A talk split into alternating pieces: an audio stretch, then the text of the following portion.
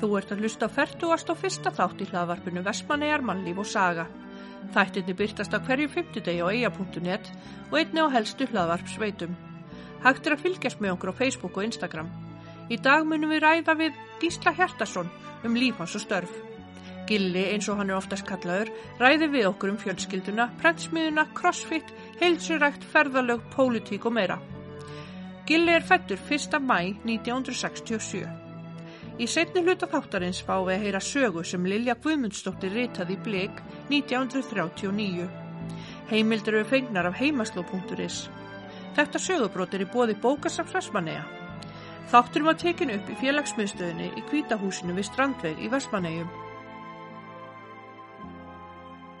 Sæll og blessaður Gísli Hjartarsson. Sæl Alma. Eða Gilli. Hjartar eða Gilli Foster eða Foster, hvað? Já, bara hvað sem er. Já. Mér er alveg sama sko. Gísla á Uppsölum. Já, þess vegna. Það er notað líka. Já, já, ok. já, já. Það er ekkit verra sko. Enda bímar og uppsölum. Einmitt. Það er stemmir. skemmtilegt. Já. En hver er Gilli? Það er ég. Já, Já, það er ekkit flóknar en það. nei, Allt annað er á huldu og verður ekki gefið. Nei, nei, nei, nei ég, er, er fættur og uppalinn í Vestmanneum. Uh, sonur Rannvegar Vigdísar Gísladóttur og Hjartar Hermanssonar. já, Meira ég þurfa ekki. Gifti Jóhannu Jóhans já, á eina stelpu. Þrjú sennilega fóstuböld. já, og bara svona vinnlög gaur sko já, ekkert uník sko Nei. held ekki nei. Og hérna, hvernig barn og úlingu varstu? algjör fyrirmynd Já, það ekki. jú, gerði aldrei neitt að mér eða, eða neitt, ég held að það verið svolítið þannig sko Já, nei, nei, maður var bara svona eins og vennilega þá veist, það var þetta, það var verið í handbólta og það var verið í fótbólta og það verið að þvælast um eiguna svolítið og, og ekkert kannski öfga mikið en, en mestu tíminn fór ég að vera í, í handbólta og fótbólta fótbólta sérstaklega já, Þannig að það var bara, ég fór aldrei í skátana eða Nei. leikfélagi eða neitt svolítið. Ég er Nei. ekki nú að hæfileikar ykkur í það. veist aldrei. Ég veit. það er bara svolítið. Það er bara svolítið. Þannig að þú varst meira í íþróttunum heldur en í ykkur svona listrænu. Já, miklu Já. meira. Miklu meira. En hérna, finnst þið lífið hafa breyst á eiginni síðan þú varst ungur? Já, já, já. Það er margt sem að, sem að maður svona kannski pínu saknar. Mm. Það er ekki eins mikið um, um að krakkarnir sé að þvælast um og, og, og bardúsa í hinn og þessu sko. Já. Og þú farið ekkit vinnu eins og ég fekk vinnu hjá Sigga heitum Einars í, í ræðfæsistöðinni þegar ég var 12-13. Já. Það er ekkit lengur. Það að banna allt svoleiðis. -hmm. Þannig að það er svolítið svona, ég held að sé svolítið missir Já, af öllu þessu þó að þetta sé náttúrulega bara þú vinnur löggjöfir og, og, og barnaþrælkun og allt það já, já, þá var hún svona undir ákveðnum formerkjum var í lagi já, held ég og ég meina, ég man að ég spurði um leifi í fiskiðunni sko hvort ég mætti ekki að ég var að vinna þar einn veturinn áður en ég femdist já, hvort það var ekki lagi að ég færi í fermingafræsluna já, eða hvort ég ætti að vera bara í vinnunni. Skilur, mér fannst að maður fannst bara svona einhvern veginn maður var bara þarna. Já, og það var bara mjög gaman sko. Já, maður átti líka alltaf pening þá. Já, það skiptir svolítið máli. Einmitt. en enga farsíma. Nei, og enga farsíma. Og hérna, finnst þið vera mikil breyting samt veist bara svona á mannlífinu? ég held að sé nú allt voðalega svona já það er miklu meira flandur á fólki í það mm. heldur en var Já, þú veist það var bara hending af einhver, já kannski ekki hending, ég ætla ekki að segja það mm. en, að, en að fólk var að strolla með alla fjölskylduna endalust til útlanda tvisa, þrís ára á ára það var ekkit á þessum tíma nei, það var bara algjör undantekning já, og, og ég held að það séu svona kannski stóru breytingarnar miklu meiri svona kannski ekki rótleysi en miklu meira flandur fram og tilbaka. Fólk er að fæta Reykjavík þrjár helgar í röðu eða eitthvað, já, skilur, það var bara herjulur einu svona dag sko. Já, já, og það dugði. Já, en nú duga valla 6-7 ferðir á dag. Já, já, þannig að maður hugsa byrju, hvað, af hverju erum við að missa? Já, og svo þegar fólk talar um að fara til Reykjavíkur þá var það hund pyrrað á að vera Reykjavík. Þannig að maður veit ekki alveg til hvers það er að fara til Reykjavíkur yfir höfuð. Það er svolítið Það er samt er ekki nú að margar ferðir til þess að komast mitt, skilja, að því ég þarf að fara þegar ég vil fara. Já, það er svolítið svona, þetta er pínuskrítið já. En hvað finnst þér einnkynna fólk sem er frá eigum? hróki, Já, já. Já, við, þú veist, kannski, jú, jú, mér finnst svolítið sko að þegar maður er búin að ferða svolítið mikið mm. að við erum ofbóðslega miðuð að því hvað við erum frábær. Já, Við erum það í Vestmannum og svo eru Íslendingar það, já, en svo þegar þú kemur út í heim þá sérðu að við erum bara lítil peð Mhm. og erum ekkit merkilegur en fólkið í, í ég veit það ekki, Mumbai eða Já. á Bali eða í Já. London eða eitthvað þar, við erum öll bara svona sko venjuleg, Já. en við teljum okkur trúum að við séum alveg einstök, sem við erum ekki. Það er mér, eða, mér finnst, þetta, þetta pirrar mig stundum þegar fólk fyrir að tala um já ég er eigamæður og ég er þetta og jú, það er bara ekkit merkilegur heldur en að vera hotfyrðingur eða siglfyrðingur eða eitthvað. Það er svolítið svolítið en það er svona, ég veit ekki, þetta er kannski eitthvað, eitthvað til að rífa upp egoið, veit það ekki. Já. halda maður sér einstakur, kannski er það. Já, ég er það ekki, skilur. Nei, ert þú ekki hlaupandi um og bara, nei, nei, ég, ég, mér leiðist svolítið ég, ég er ekki, ekki alveg þar. Nei, hef ekki, ekki fallið undir þá mýtu ennþá. Nei, kannski gerir það setna, ég veit já, ekki. Ef ég þarf á því að halda. Já, en, já, mér, já, mér finnst þetta þetta pyrra mig svolítið stundum. Já, hvað við erum alltaf, þú sér þetta líka bara í fréttum af, af Íslanding sem er erlendi, skilur mm. eina kvikmyndagjara konan í LA er, þú veist, já, er þessi eða hinn af því að nafnina rúlaði upp og skjá í einni bíómynd af 300 sem eru framleitar já, skilur, þetta er svona ah, slakaða hans á. Já, hún er bara að vinna sína vinnu og standi sér vel og það er bara fínt, einmitt, meira þarf það ekki að vera. Já. Er búið að setja svolítið þetta stórasta land í heimi í- já, það er svolítið og hún hitti vel naklan á höfðu þar, skilur En hérna, hvernig upplifir þú samt samfélagi í Vestmannum? Finnst þér vera svona, yfir höfu bara frekar gott já, Já, það er oft leiðinda kýtingur svona á, á, á, á sérstaklega í kringum þess að pólitík sem ég vil nú helst leggja niður. Ég vil Já. bara kjósa fólk, hætta þessu djöfisins flokk af ástri. já, Uh, að því ég held að það fá við uh, fólk svona til að starfa fyrir bæjarfélagið sem er ekki að binda sig á einhverja svona pólitíska klafa og neita að taka þátt í afgreða þetta mál eða hitt málið Já. og svona tekur þetta bara út frá umhverfinu og hjartanu. Ekki, ekki út frá einhverjum línum sem einhverjur aðrir er að leggja með þeim. Já, ég held að það væri mjög skynsilt og þetta var náttúrulega við líka um, um landspólitíkina sko. Já, náttúrulega hver skandatinn fætur og öðrum í þessu endalust já, ég held við getum minkað það aðeins. Mm. en sumir sé þess ekki hægt, ég veit ekki. Það verður ekki verið reynd, þannig að ekki, ekki hafna því. Mhm, -hmm. ég held að það væri gott skref að, að sækja um að vera tilhjóðan samfélag já. Er ekki eitthvað bæjarfélag sem er? Ég held að sé þannig að ef enginn býður sér fram Já, að þá mátti kjósa hvað sem er. Já, ok. þannig að kannski spurningum að hvetja fólk til að bjóða sér ekki fram Já, og þá kosið. kjósa hvað sem er. Já, ég held að það verið svo leiðis, ég held að það verið í Bíldudal eða, ekki- eða eitthvað það var eitthvað svo leiðis sem ég var mjög sniðut þá varstu bara skikkaður í það. Já, það er bara svo leiðis mm. En það var náttúrulega samt að fólk verður að gefa kost á sér skilur. já, já, algjörlega. Veist, Og ég vil ekki endilega að Jóhanna Jóhans verði kosin að því hún gaf ekki kost á sér. Nei, en svona það kannski að fólk geti lagt nafn sitt fram kannski 300 manns eða eitthvað skilur eða 500 eða hvað sem er. Mhm. og maður velur þá bara þá sem maður líst best á. Já, og þeir sjö eða níu eða hvað sem er sem fá flest atkvæð Mhm. þeir mynda þá bara bæjastjórn já, skipta með sér verkum og, og vinna já, ég held að það væri kúl. Já, ég, ég var til að prófa það ég líka. ég er alveg það líka, sko. Þannig að ég veit um þetta, það eru- margir á þessum nótum. Já, það er þeim fjölg fólk er eitthvað meira að fara að tjásu um í mjög svona málefni. Fólk, fólk er pyrrað að sjá hvað sumir komast upp með eins og þessi hérna, miðstjórnadúti, hérna, miðflokksdúti um daginn. Já. Þú mátt ekki kjósa einstaklinga í alþingiskostningum. Já, já. Þú verður að kjósa flokka. Einmitt. Svo búið að kjósa, þá má einstaklingurinn hafa sér alveg svo bafi hann. Já, er Hoppa bara eitthvað annað og, og engi getur gert neitt. Einmitt. Þetta er mjög sérstakt. Mér finnst það mjög spes. Já. Þú ert að kjósa flokkin Já. og ætla þetta til þess að fólki sem er á listanum Algjörlega. sé að fara á þing Já. og starfa fyrir það sem flokkurinn stendur fyrir. Já, En það er ekki einu sinni, þannig að til hvers sem maður þá að kjósa. einmitt. Nei, maður haldi svona í, í eðlilegu umhverfi að ef flokkurinn fær atkvæði að þá á flokkurinn atkvæðið Að og þá ef þú ætlar að skipta um flokka eða eitthvað, þá bara, þá bara missir þú þá er það bara þitt vandamál og Já, þú þá bara hættir þitt þú. Já, það er bara Algjörlega. svona. Eðliðastir hlutur. Mér finnst það, Já, en já, svona er þetta skrítið. já, það er margt skrítið í þessu. Værið til að vera fósitt Íslands? Ef þú fengir ráða, svona svo fósitt í bandar gera, Nei, nei, ég var ekki til það. Nei. Ég var ekki til það. Nei, nei, það myndi ekki henda mér. Það, ég get alveg bókað það, skilur. Ég far ekki þá leið, takk fyrir. Gott bóð en ég hafnaði þessu. Ég ætla ekki að gefa kosta mér það. Nei, Nei, en eins og fórst Ísla sér.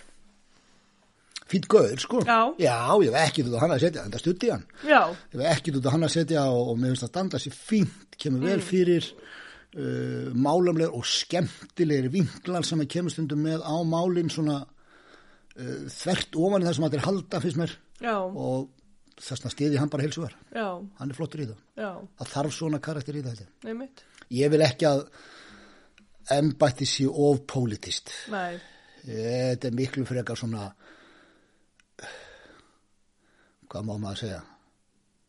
Það sé svona ákveð svona tákn, já, en ekki mikið politist vafstur í, í kringum þetta. einmitt. Hann hefur ákveðin ítök og það bara dugar. Já, Ég held að það var fínt, eins og þetta er bara. Ég, ég vil ekki breyta þessu, sko. nei. En hvað hérna,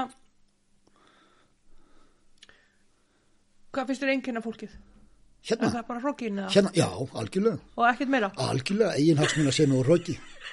Það er bara svo leiðis. Það er, það er svolítið mikið svo leiðis. Hóruð bara í kringu þig. já, Já, þú, ég þetta, þú mátt ekki taka þessu í, í verstu Nei, nei, nei, nei, alls, ekki, alls ekki. Mér, mér finnst þetta bara stundum að fólk svona fókusa svolítið á þetta margi sem að svona, þú veist, þetta er sérstaklega ákveðin tækifæri. Mm. þegar við verðum byggamestarar eða, eða eitthvað Já. svona í handbólta eða fótbólta eða, eða einhver er kosim eitthvað og gerir eitthvað, hann kemur frá eigum og það er eigamæður í þessu og, jú, jú, ok, allt í lagi. En, en heilt yfir er samfélagið mjög gott. Já, og mér finnst rosalega synd að sjá uh, linnulausar árásir á þennan og hinn út af einhverju sem að skiptir kannski ekki öllu máli og fólk er svolítið dreigið í dilka. -hmm. þú veist, ef þú tala við þennan þá verður að þykist að sjálfstæðismæður Já. og þú verður að vera vinstir grætt þegar þú tala við þennan. Já, en eins og ég sé alltaf, verður bara þú sjálfur. Já, Eh, það hlýtur að vera hagstæðið fyrir alla. Einmitt. En sumir segja að þetta þurfi til þess að fá þessa vinnu eða þetta og þetta. Ég man ég skrifa einu sinni, mér ástu ógeðslega að fyndi það, það hérna, skrifaði ég í dasgrá hjá Hermanni Mm.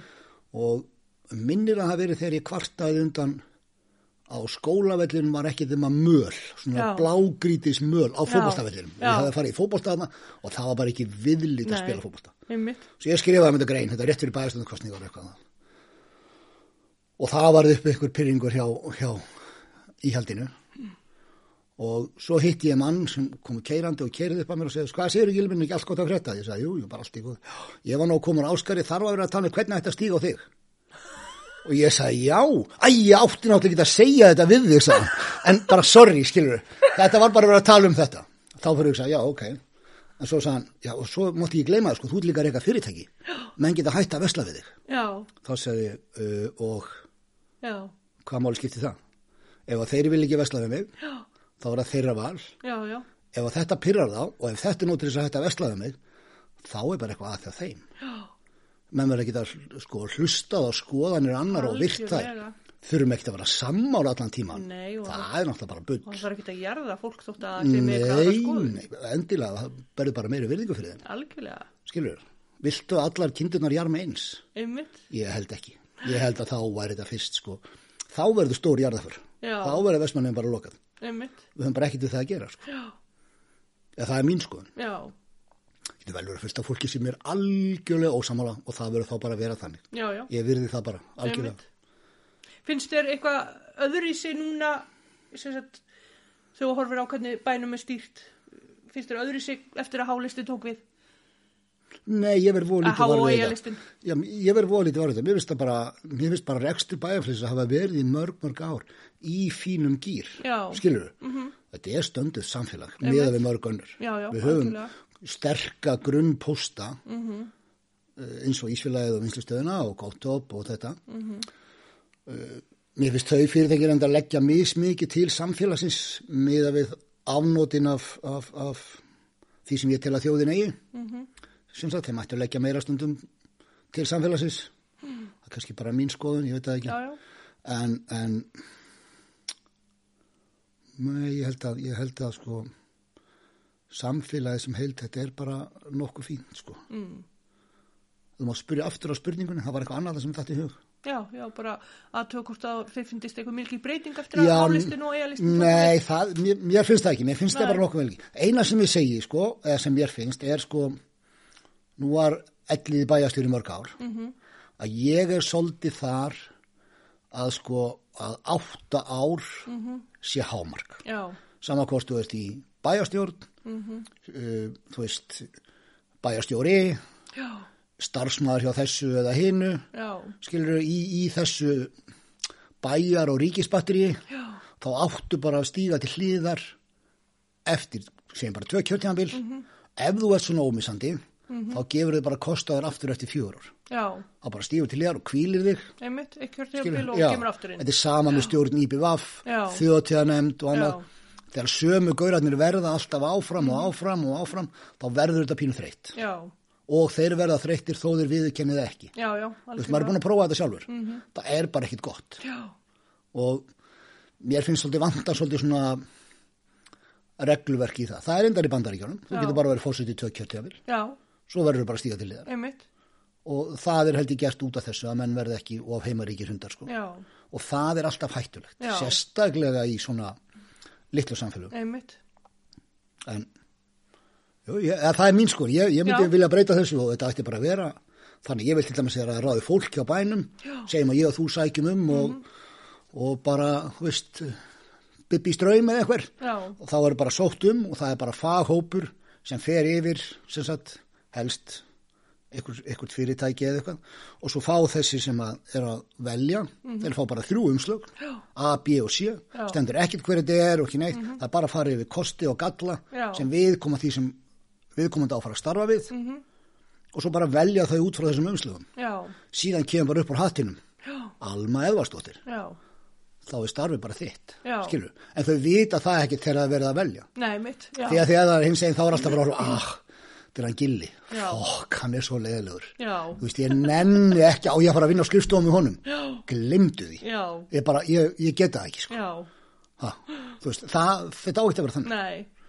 það, gengur ekki. Algjörlega. og svo verður, verður þú veist, þú óanæð með að vinna mér og þá þarf að fara að henda í sko að búa til nýja skrifstofu fyrir 30 miljónir skilur sem er ó, hvers slags vittli segir þetta skilur það eiga allir að geta unni saman. Já, það, það er ekki það mikið af konfliktum í svona samfélagum Mhm. að fólk eigi ekki geta setið á sömu skrifstofuði í sama húsnæðu og einhver annar Já. það er mjög sérstakt Já. þá er spurningum að leitast til sérfræðings en maður getur það ekki Já. það er fullt af þeim til Já. sálfræðingar og allskins Mhm. fólk Já. Við erum eins að fara að fá geðlækni á háþessu. já, það veitir ekki afheld ég það er ymsið sem ættu að kíkja þangað kannski ég sjálfur líka Ég er á leiðinni. já, já, kannski erum við bæða leiðin Nei, þannig að, já, þeir, það er mjög skrítið þegar að fólk getur ekki unni saman, sko. Já, svo er þetta sko, vorum að tala um áðan, ég ætla nú bara að segja þetta, Já, mér, mér finnst þetta með. alltaf svolítið spes. Um, það getur vel verið að sé fullt af fólk sem er ósamálum er, en, en þetta er bara því að veita að þetta gerðist. Já. Um, Afi var mikill, Afi Gísli var mikill sjálfstæðismæður. Já. Hann var í bæjastjórn og, og hann var held ég á þingi fyrir sjálfstæðisflokkinu, veit ég hvað og hvað. Og átti náttúrulega pressmiðuna. Mm -hmm. Og þegar það var prentað fyrir íhaldið, að þá var alltaf svona aðeins unnið meira og, og lagt svona meira í púkið fyrir kannski minni pening og eitthvað svona, það var bara hans. Já, skilurðu, já, já. En hann passaði sér samt á þegar það var stopnuð pressmiðan á sínum tíma að það áttu allir stjórnmálaflokkanir í pressmiðinni nema sjálfstæðarflokkurinn. Já, ok. Já, það var svolítið svona, en það var bara ákveðin. Svo deyr hann 1980 Mm. og bara skömm eftir hann deyr, þá hættir sjálfstæðarflokkurinn að vesla í pressmiðinni.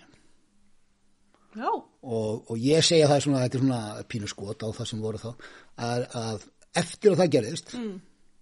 þá hafa þær aldrei, að því að mennum alltaf með jólablöð og safna auglýsingum og svona þeir hafa aldrei haft samband Já. og beðið um auglýsingu. Hmm. Sem segir mér að hann eru svona, ah, það voru menn að gera eitthvað sem þeir áttu kannski ekki vera að gera. Það er eitthvað. Já, mér finnst það mjög sérstætt, og ég hef svolítið gaman að þessu, svolítið gaman að minna mönnstundum á þetta. Einmitt. Það eru komin ansi mörg ár sko, það eru komin 20, það eru komin 40 ár. Já, já. já. Þannig að þetta er svolítið svona, þetta segir manni sko hvað menn eru svona stundum svona inn í sjálfum sér Já. og eru bara hugsa um sig og sína Einmitt. og ekki heldina. Já. En ég held að pressmiðan sé í dag með eina þremur elstu kennitölum á einu. Já, Að fyrirtæki sé að vera 80 ára eða eitthvað. já, mitt. Já, Ísfélag er 120. Ég veit ekki hvort þeir skipt um kennitölu þegar þeir saminuðist hraðinu. Já, Ég veit ekki hvernig það var. já, En ég held að sé ekkit engin tvö önnur fyrirtæki eldri, sko. nei, magna. Nei, já, þetta er magna. Þú að séu nú ekki stórt, þá er það samt einhvern veginn á lífi. Já, var afiðinn prentari? Nei, nei, hann var stór, stórkaupmaður. Já, ok. Já, já, já, með rísa hildvöslun og Já, ok. allt mögulegt, já, já. Sendi herra fyrir Þískaland til Ösmanegum. Já. Þetta var bara Stór- stórvesir. Stórvesir, já, Já. algjör stórvesir. Á þeim tíma, sko. já. Og hvernig ætlaðum hafði dótt í huga að opna premsmið? Ég held bara að þetta að vera á þessu tíma að það bara... Var ein og ein, já, og menn fór eitthvað svona í, að standi í þessu, sko. Já, Já, já. Og, og sá sem var í forsvari fyrir pressmiðuna já, var sko harður kommunisti, sko. Já, ok. Já, já, það var harður alþjóð bandalsmaður. Já. Þannig, en þeir eru nú saman, sko, í, ég veit ekki hvað mörg ár, sko, Já. ára tíu, sko. Já. já, já, það var bara gaman að því, sko. Já. Hvenær tókst þú við premsmiðinni? Það veit ég ekki. Nei. Það er ansi langt síðan. Já, Já, ég, veist, ég bara veit ekki hvað mörg ár síðan. nei, mitt. Ég er svo sjálfið 25 ára eða eitthvað. Já, Ég hugsa það. Búin að prentari 25 ár. Já, aldrei verið kannski prentari en, en verið innandira, verið Já. innandira, já, já, já, já, já, og það Já. verið skemmtilegt ofta á tíðum en þetta er nú svona deyjandi stjætt sko, Já, það er svolítið svo liðis. já. Er Það bara er bara, já, ég meina það breytist náttúrulega skilur um, við missum bæjaveitunar leggjast af, það verður hrita veita söðuna sér. Tangin, um, Sparisjóðurinn, Vöruval, öll þessi fyrirtæki sem að hafa horfið, það, veist, ekki, ekki talið upp alveg, alveg helling, Já, já, öll þessi fyrirtæki sem hafa horfið, hafa horfið úr bænum já, og ný fyrirtæki komið í staðinn, það er þá húsasmiðjan, Mhm. krónan, bónus og allt þetta. Þessi fyrirtæki er ekkit að vesla mikið innan bæjar. Þeir eru jafnvel komið sína eigin málara, eigin smiði ef að þess gerist Já. þörf og þetta svolítið svona gerir allt miklu erfiðara fyrir alla sem minni eru. einmitt. Það er, það er svolítið svona breyting sem hefur orðið. Já, Það eru miklu starri einingar og Mhm. færri minni einingar. já, sem er, sem er eitt og svo er náttúrulega annað sem er á Íslandi sem er, sem er hálfgjör geðu ekki Tryggvi Hjalta komið með þetta á Facebook núna bara í vikunni mm. að hvað kostar að stopna sko fyrirtæki á Íslandi já, að við erum í sko næstýrasta flokki í heiminum já, á meðan þú getur til dæmis stopnað einstaklingsfyrirtæki í, í Nóri eða Svíþu eða Báðum og það kostar þið ekkert einmitt. hérna er alveg sko borga þetta gjald, þetta gjald, þetta gjald, þetta gjald, þetta gjald, þetta gjald, þetta gjald og þá skulum við skoða hvort þú má stopna fyrirtæki Já, og hálfa miljónu hlutafér. Já, veist, og allt, allt svona skilur, Já, já. allt gert mjög erfitt og Já. þungt í vöfum. Manst ekki getur umræðan eða það var bannað að baka fyrir kökubassar í Jú. heima eldúsi. Einmitt. Halló, hverjum dettur þetta í hug? Nema að við erum að fylgja, segir sögustur að fylgja reglugjörnum frá ESB, en ok, sem er bara allt í lagi, nema sko við höfum svolítið til að oftúlka þetta. Já, og af því að það er svo mikið af svona skriffinsku líðar þetta er þá stæsta bákn, það vex ekkit á Íslandi smikið eins og ríki og bær, Já. sérstaklega ríkið. Mhm. það er sko allir flokkar búin að tróða allavega 20 manns inn í batterið. Mhm. að menn oftúlka þetta til að venda sína eigin vinnu. Já, þú farið ekki að opna þetta nema að sé uh, hérna, það er skild að hafa hjólastólaramp og þú þarft starfsmann aðstöðu þú þarft aðstöðu fyrir kalla, þú þarft aðstöðu fyrir konur þú þarft að hafa uh, þetta reyngjörningaplan og hitt reyngjörningaplanið og, og, og þú veist, þú þarft að gera þetta og þetta og þetta og þetta. Það er að vera svona ljós, það er að vera svona margi vaskar það er að vera svona mikið space fyrir hvern og einn. Svo verður til Englands eða Þískalands Mm. og ferði í einhvern fyrirtæki eitthvað og það bara er ekkert aðeins í gangi. Einmitt. og það er bara normal, og allir með starfsleifi og allir lifa. Já, En þannig erum við komin sko út í öfgarnar einmitt. sem að eru að drepa svolítið marga, Já, því miður. já, Þannig þarf aðeins að fara að stíga á bremsuna. já. Nei, maður sér þetta svolítið á spáni eins og veit ekki Já, ég meina sjáðu bara, það er bara gott skilur. 25 vaska. Nei, nei, en byrjuð þeir eru með rekstrarleifi og, og fólk lifir á þessu og, og það er ástæðan fyrir því til dæmis í Breitlandi, þó þessi við komnir úr Europasamöndin núna, að á, á Spáni og svo stöðum, hvað er mikið af litlum, skemmtilegum búðum og öðru sem lifa. Veist, ég átti vin sem var að vinna með mér í fiski á svinn tíma og ég fór á heimsótti mamma sem rak búð við, við ströndina í, í Barcelona. Já, og það var bara sko paella og bakvið sko í hátteginu skilur, maður bara, já. hvað, hvað, hvað, matur og, og svo fór maður að satt á bakvið og það var bara paella í hátteginu og Já. kallinn kom heim úr slipnum, hann var að vinna í slipnum Já. skilur, í mat. Einmitt. strákurinn yngri var í skóla, hann kom og borðaði líka. Og svo bara kvöldust allir og hún fór aftur fram að afgreða, skilur og, og þetta var svona þetta er pínu svona homie, Já, skilur og, og bara skemmtilegt sko. Ég, ég, svona hlutir með ekki alveg lognast út af sko. Nei, það er ekki hægt að fara bara í krónuna. Eða, eða veist, með fyllir virðingu fyrir því öllu sem þeir gera skilur að það vantar svolítið svona Kaupmann þessa li, já, kaupmannin Já. á hotninu skilur, sem að lifir víðast Já. og ég sá auðlýsingar í Breitlandi fyrra hana í COVID-inu. Þá var auðlýsingar frá kreditkortafyrirtækjum það sem er að hvetja fólk til þess að vesla í sinni götu eða í sínu Já. hverfi, skilur Já. sem var svolítið aðtilisvert Einmitt. þannig að kannski þurfum við bara að byrja á því Já. veit það ekki Já. Hvernig finnst þið bæjarmyndin vera?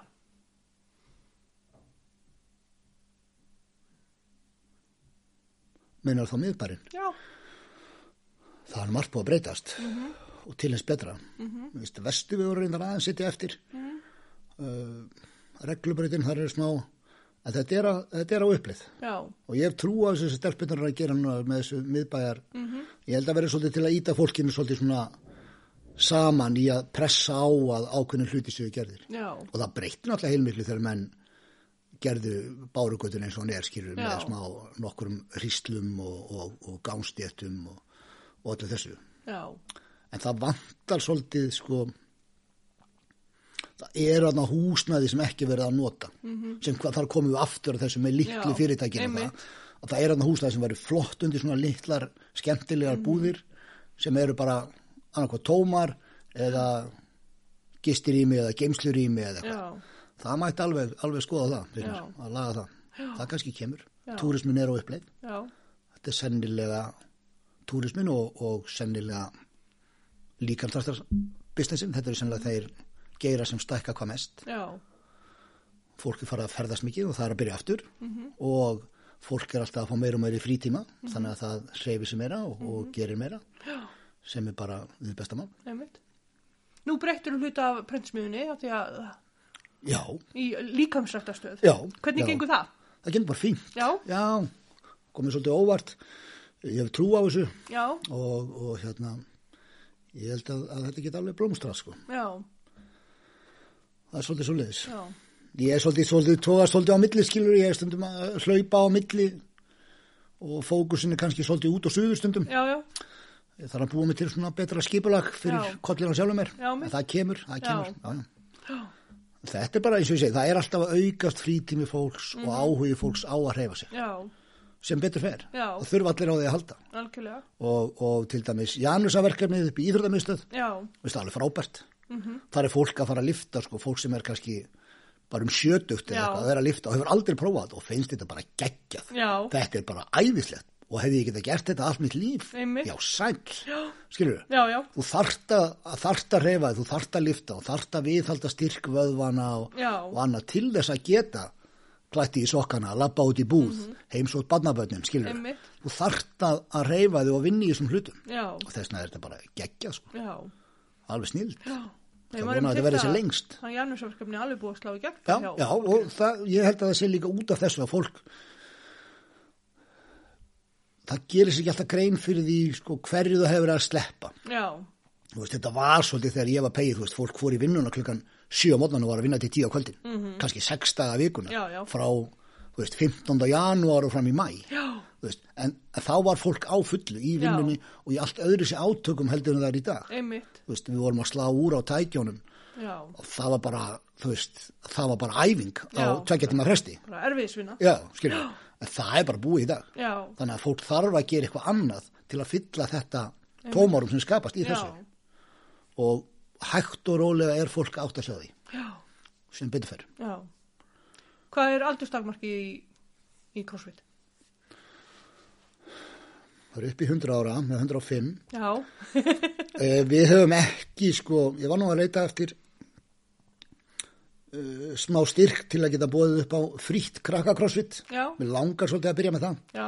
og ég vil ekki að því að mér finnst að allir krakkar Mhm. undir 16 ára eiga að geta æft frítt það sem þau vilja. Já, Bara, sem sagt, ef þú vilt fara í fótbolta, þá fer í fótbolta. já, Og ef þú fara leið á fótbolta eftir þrjárveikur, þá viltu geta fara í golf. Eða sund, eða eitthvað. En svo komur það fórðarinn að borga æfingagjaldið sem er þetta hátt Já. og þeir segja, nei, nei, nei, nei, kallið minn, þú ert ekki að fara bara þarna líka, við erum ekki að fara að borga fyrir það líka og bla, bla, bla, bla. Ég segi að bærin á bara að leggja fram fjö til félagana, þau eru með menta, þjálfara, já, skilur þannig að það er að borga þeim mannsamandi laun fyrir það sem þið gera og krakkarnir geta komið og farið eins og við vilja. já, Þannig vil ég hafa þetta. Og þá, þá sama við um leikfélag og skátana skilur krakkar ég hafa og meiri sér, ég vil meiri sér að láta þetta tengjast tónlistaskólan. Veist, það fara aldrei allir í tónlistaskólan nei en það er fullt af krökkur sem hafa áhuga já, já, og eru kannski í handbólta og fótbolta Já. síðan þurfa fóröldarinn að borga líka tónlistaskólan en það er bara ekki alltaf til fjármagn í það. nei, nei.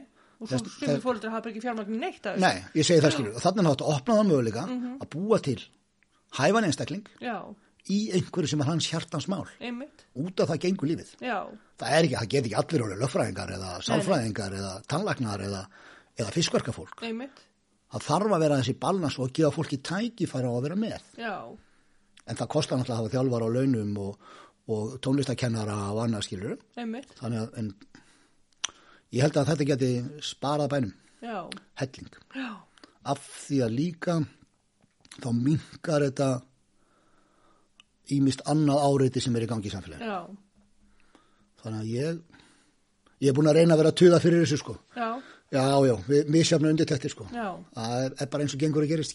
Tekur smá tíma, ég tuða kannski tvö orði viðbót. já. Þið langar ekki að fara í pólitíkina? Nei, en meðan það er ekki hægt að kjósa einstaklinga, Nei. þá býðum við ekki fram. Nei, en það er þið, Þá myndi ég vilt fram, já. já, ekki spurning. Já. Þá myndi ég láta nafnmynda listan. Þá kemur bara ljós, hefur einhver áhuga að þú starfi fyrir mig eða ekki. já, já, Ég verð ekkit sár þó ég fóð bara tvö atkvæði, sko. Þó verið bara ég og þú, skilur sem þið kjósa mig. Veist, ég er ekkit sár, Já, en þá já. bara veit ég að, ok, fólk hefur ekki trú á mínum hugarefnum eða því sem ég stend fyrir, já, þá er það bara allt í lagi. já, Það er kannski einhver annar sem fær fullt atkvæðum, bara glæsilegt. Þá bara þristum við honum til að takast á við verkið. já, Þannig sé ég þetta funkar, sko. Mm. Já, það er ekkit, maður fikk að gráta á kottanum við því, sko. Nei, ég fór nú hann að bauð mig fram til stjórnlaða þings á sínum tíma. já, Já, já, já, já, það var líka á þessum fórsendum já, að það gæti bara, gæti bara kosið einstaklega. Já. Já, já, já, við vorum, held ég, við vorum held ég sjö eða átta frá Vestmannheim sem fórum í það. já, ok, Það var bara mjög gaman, sko. Já. Já, já, já, þú veist, þetta var bara svona eitthvað tilraun. já, Og, og, kom eitthvað út úr því? Já, það var skipað eitthvað stjórnlaðaráð og eitthvað það er fundið eitthvað, það var engin tekka marka í því sem þeir gerðu, sko. Nei, það hefur alltaf verið hunsaða pólitíkin, sko. Þeim líkaði þetta ekki því að það eru náttúrulega stórir, stórir hákallar sem vilja ráða öllu, Já, já. skilurðu. Og þeir eru ekkert að fara að hlusta á þetta, sko. Nei, En þetta er samt, þessi, þessi, þessi hópur er ennþá til, eða sem sagt, þetta eru svona þeir sem eru að berjast fyrir breytingum á stjórnarskráni, Já, já, skilur, og sá hópur er alltaf að stækka, finnst mér, það að vera meira og meira ábyrjandi, Mhm. Já. af því að það er alltaf að koma í ljós svona hnökrar á sísteminu sem allir segja bara, ó, hei, halló, við getum alveg leist þetta, einmitt, gefum okkur bara tími í þetta, vöndum okkur, já, en það, það er bara svo fullt af hagsmunaðalum sem að segja bara, nei, við erum ekki verið að beita þessu, Já. þá fer hérna smá á borðinu mínu sko til hans, algjörlega, ég vil það ekki sko, Já. ég vil halda öllu mínu og helst fá borði hans líka, já, já, skilur, en það er bara slagur sem verður að taka, já, það er bara svo leiðis. nei, mann finnst þið mitt skrítið hvað sumir komast upp með Já, það er bara mjög sérstakt. og svo til Það dæmis eins og í Svíþjóða þá er, var kona sem var á þingi og hún sáði af sér að því að hún kefti út eitt súkulaði út á Já, kortið Já, já, og M&M, eigin rétt. Já. já, já, já. Það er bara svo leiðis, það er bara aðra reglur, strangari reglur og fólk fær bara að heyra það ef það, ef það Já. fréttist af svona. Og fólk þarf að taka ábyrð á gjörðum sín. Það er ekkit svakalega íslenskt. Ekki allar þegar þú kemur að pólitík. En ef það hefði verið einhver einhver staðar að vinna einhver staðar og gert eitthvað, þá er hann sennilega vel látum fjúka 1 og 3. já, já, já, algjörlega En svona er þetta bara. þetta er svona skrítið líf Já, þetta er eitthvað sem má skoða Já. og fólk áfur opið fyrir að breyta. já, en finnst þið eitthvað ábúta Eða reyndar, sko, já, ég myndi náttúrulega vilja sérhafa sjúkrahúsið. Ég myndi vilja hafa einhverja, einhverja servisku þar innan dýra, skilur nýjaðgerðir, eyrnaðgerðir, þú veist, augasteinarskipti eða eitthvað Já. til þess að hafa meiri rútínu á sjúkrahúsinu Já. sem er segja að, gangi ekki upp. Mér finnst náttúrulega helstur að vera fæðingadelt, ég segi það ekki. Um, en svo var, það var þýskur strákur hérna sem var eitthvað að læra upp á sjúkrási mm. og ég, hann kom í heimsókn og við fórum að ræða þetta og þá sagði hann engili sko þetta kostar svo mikið Já. Ég sagði já, ég veit það en við búum á eigu, það þarf að hafa ákveðið annað öringi heldur en ef þú býrð á selfos og getur kerst í bæin og svo já, ég, ég skil það sann ég held bara að kostnaður er svo mikil við þetta. Það getur vel verið, þessna segja þessna þurfa að minna sérhafa Já. við höfum margt gott í eigum segjum sem svo þú farið í njáskipti eða hvað sem er. Við höfum fullt aðstöð til þess að leifa fólki að æfa og komast í gang og allt þetta. Þannig að ég held að það væri gott eða verið að sérhafa þetta og einn annan hátt Já. ég veit ekki í hverju, bara einhverju sko. Já, já. það er fullt af Nei, og hérna áður fyrir voru gerðar alls konar aðgerir. já, já, já, já, út um allt land sko. Já, já, já. nú farið En ekki svæfingalækna aðgerðu og allt hérna, sko. já, já, já, já, já, þú veist, það er bara svo leiðis þetta er bara, byrni. já, já, þetta er bara torfið Já, og skurðlæknar í dag eru miklu sérhafðir heldur en voru þá það Já, er já. líka breytingar sem verða. Í, í öllu þessu einmitt. Þeir Þannig kunna að- bara allt. já, já, það er, það er, öllu, þetta breytist allt mjög öll en ég veit ekki, það var rosa gott eða væri. Simmi og þeir rótæri menn þeir gerðu náttúrulega hérna með auglakna sístemi sem er búin að koma upp sem bara geggjað, já. alveg frábært framtak. Og, og ég veit að það var ströggl að koma því til eiga sko, Já, já, já það, það þurfti átök sko. Já, Simmi í vöruval, hann barði bara í borðið. Já, já. já, og hafði þetta gegn sem er stórkoslegt sko. Nei, og líka bara sorglegt að vera með skurstofu hérna og geta ekki nýtt hana já, og, já, þetta, þetta er mjög dabur og bara með skurstofu hjúgrunafræðinga og, og við erum allt til alls nefnum bara sæfingalegni. já, við erum allt fagfólki sko. Mm. það kannski kemur eitt góðum vöðdag Já, það var að koma nýr heilbyrðisraðara já, með ættir að reykja til eiga svo við förum aftur út í það skilur það er eiga maður þannig að, þannig að hann á ættir að reykja hingað. Vil, Vilum Þór Þórsson. Já, þannig að kannski, kannski kemur eitthvað út frá honum. Kannski. Já. Nei, að því að svo fer maður líka að hugsa, hvað kostar til dæmis sjúkraflugið? já, það kostar helling Og ég minna, stundum þarf að kalla út þyrluna og það kostar ábygglega meira heldur en flugið, sko. já, já, já, þetta tekkar allt inn sko Þannig að þegar upp í staðu, hvað er kostnaðurinn? já, Þannig að já, við þurfum bara að fara að bjarga heiminum. já, já, ég ætla ekki að taka ganga svo hart til orða það er ímynd, það má alltaf skoða hlutar menn verður að vera opnið fyrir að skoða þetta með reglunum millibíli skilur. Já. það breytist oft ímislegt í samfélaginu og í samsetningunni sem gerir það verkum að kannski er alltaf að bakka bara Mhm. -hmm. og gera aftur eins og gert var Einmitt.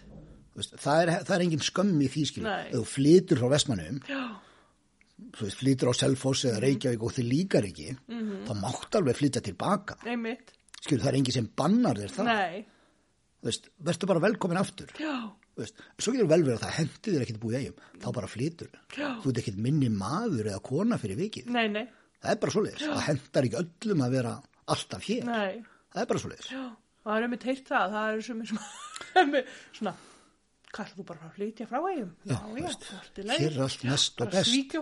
Já, hér er allt mest og best. Mátt vita það, sem það er svo ekki skilur þannig að veist, það verður bara hver og einn að finna, finna sína fjöl í lífinu Já, viltu vera nálat fjölskyldunni, þólir ekki fjölskylduna þína og viltu vera fjarr henni, skilur, já, þá getur algjörlega. flutt annarkot hingað eða hérðan, Já, já. skilur, það er, það er margt sem spilar inn í, skilur, Já. já, já.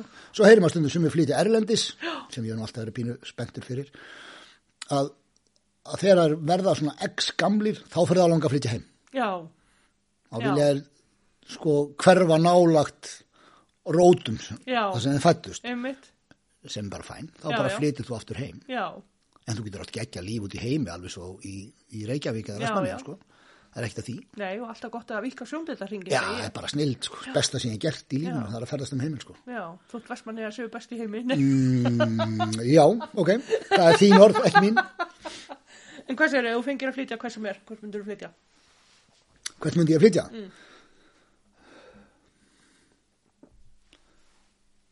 Ég hugsa að ég myndi byrja á að fara til Bali.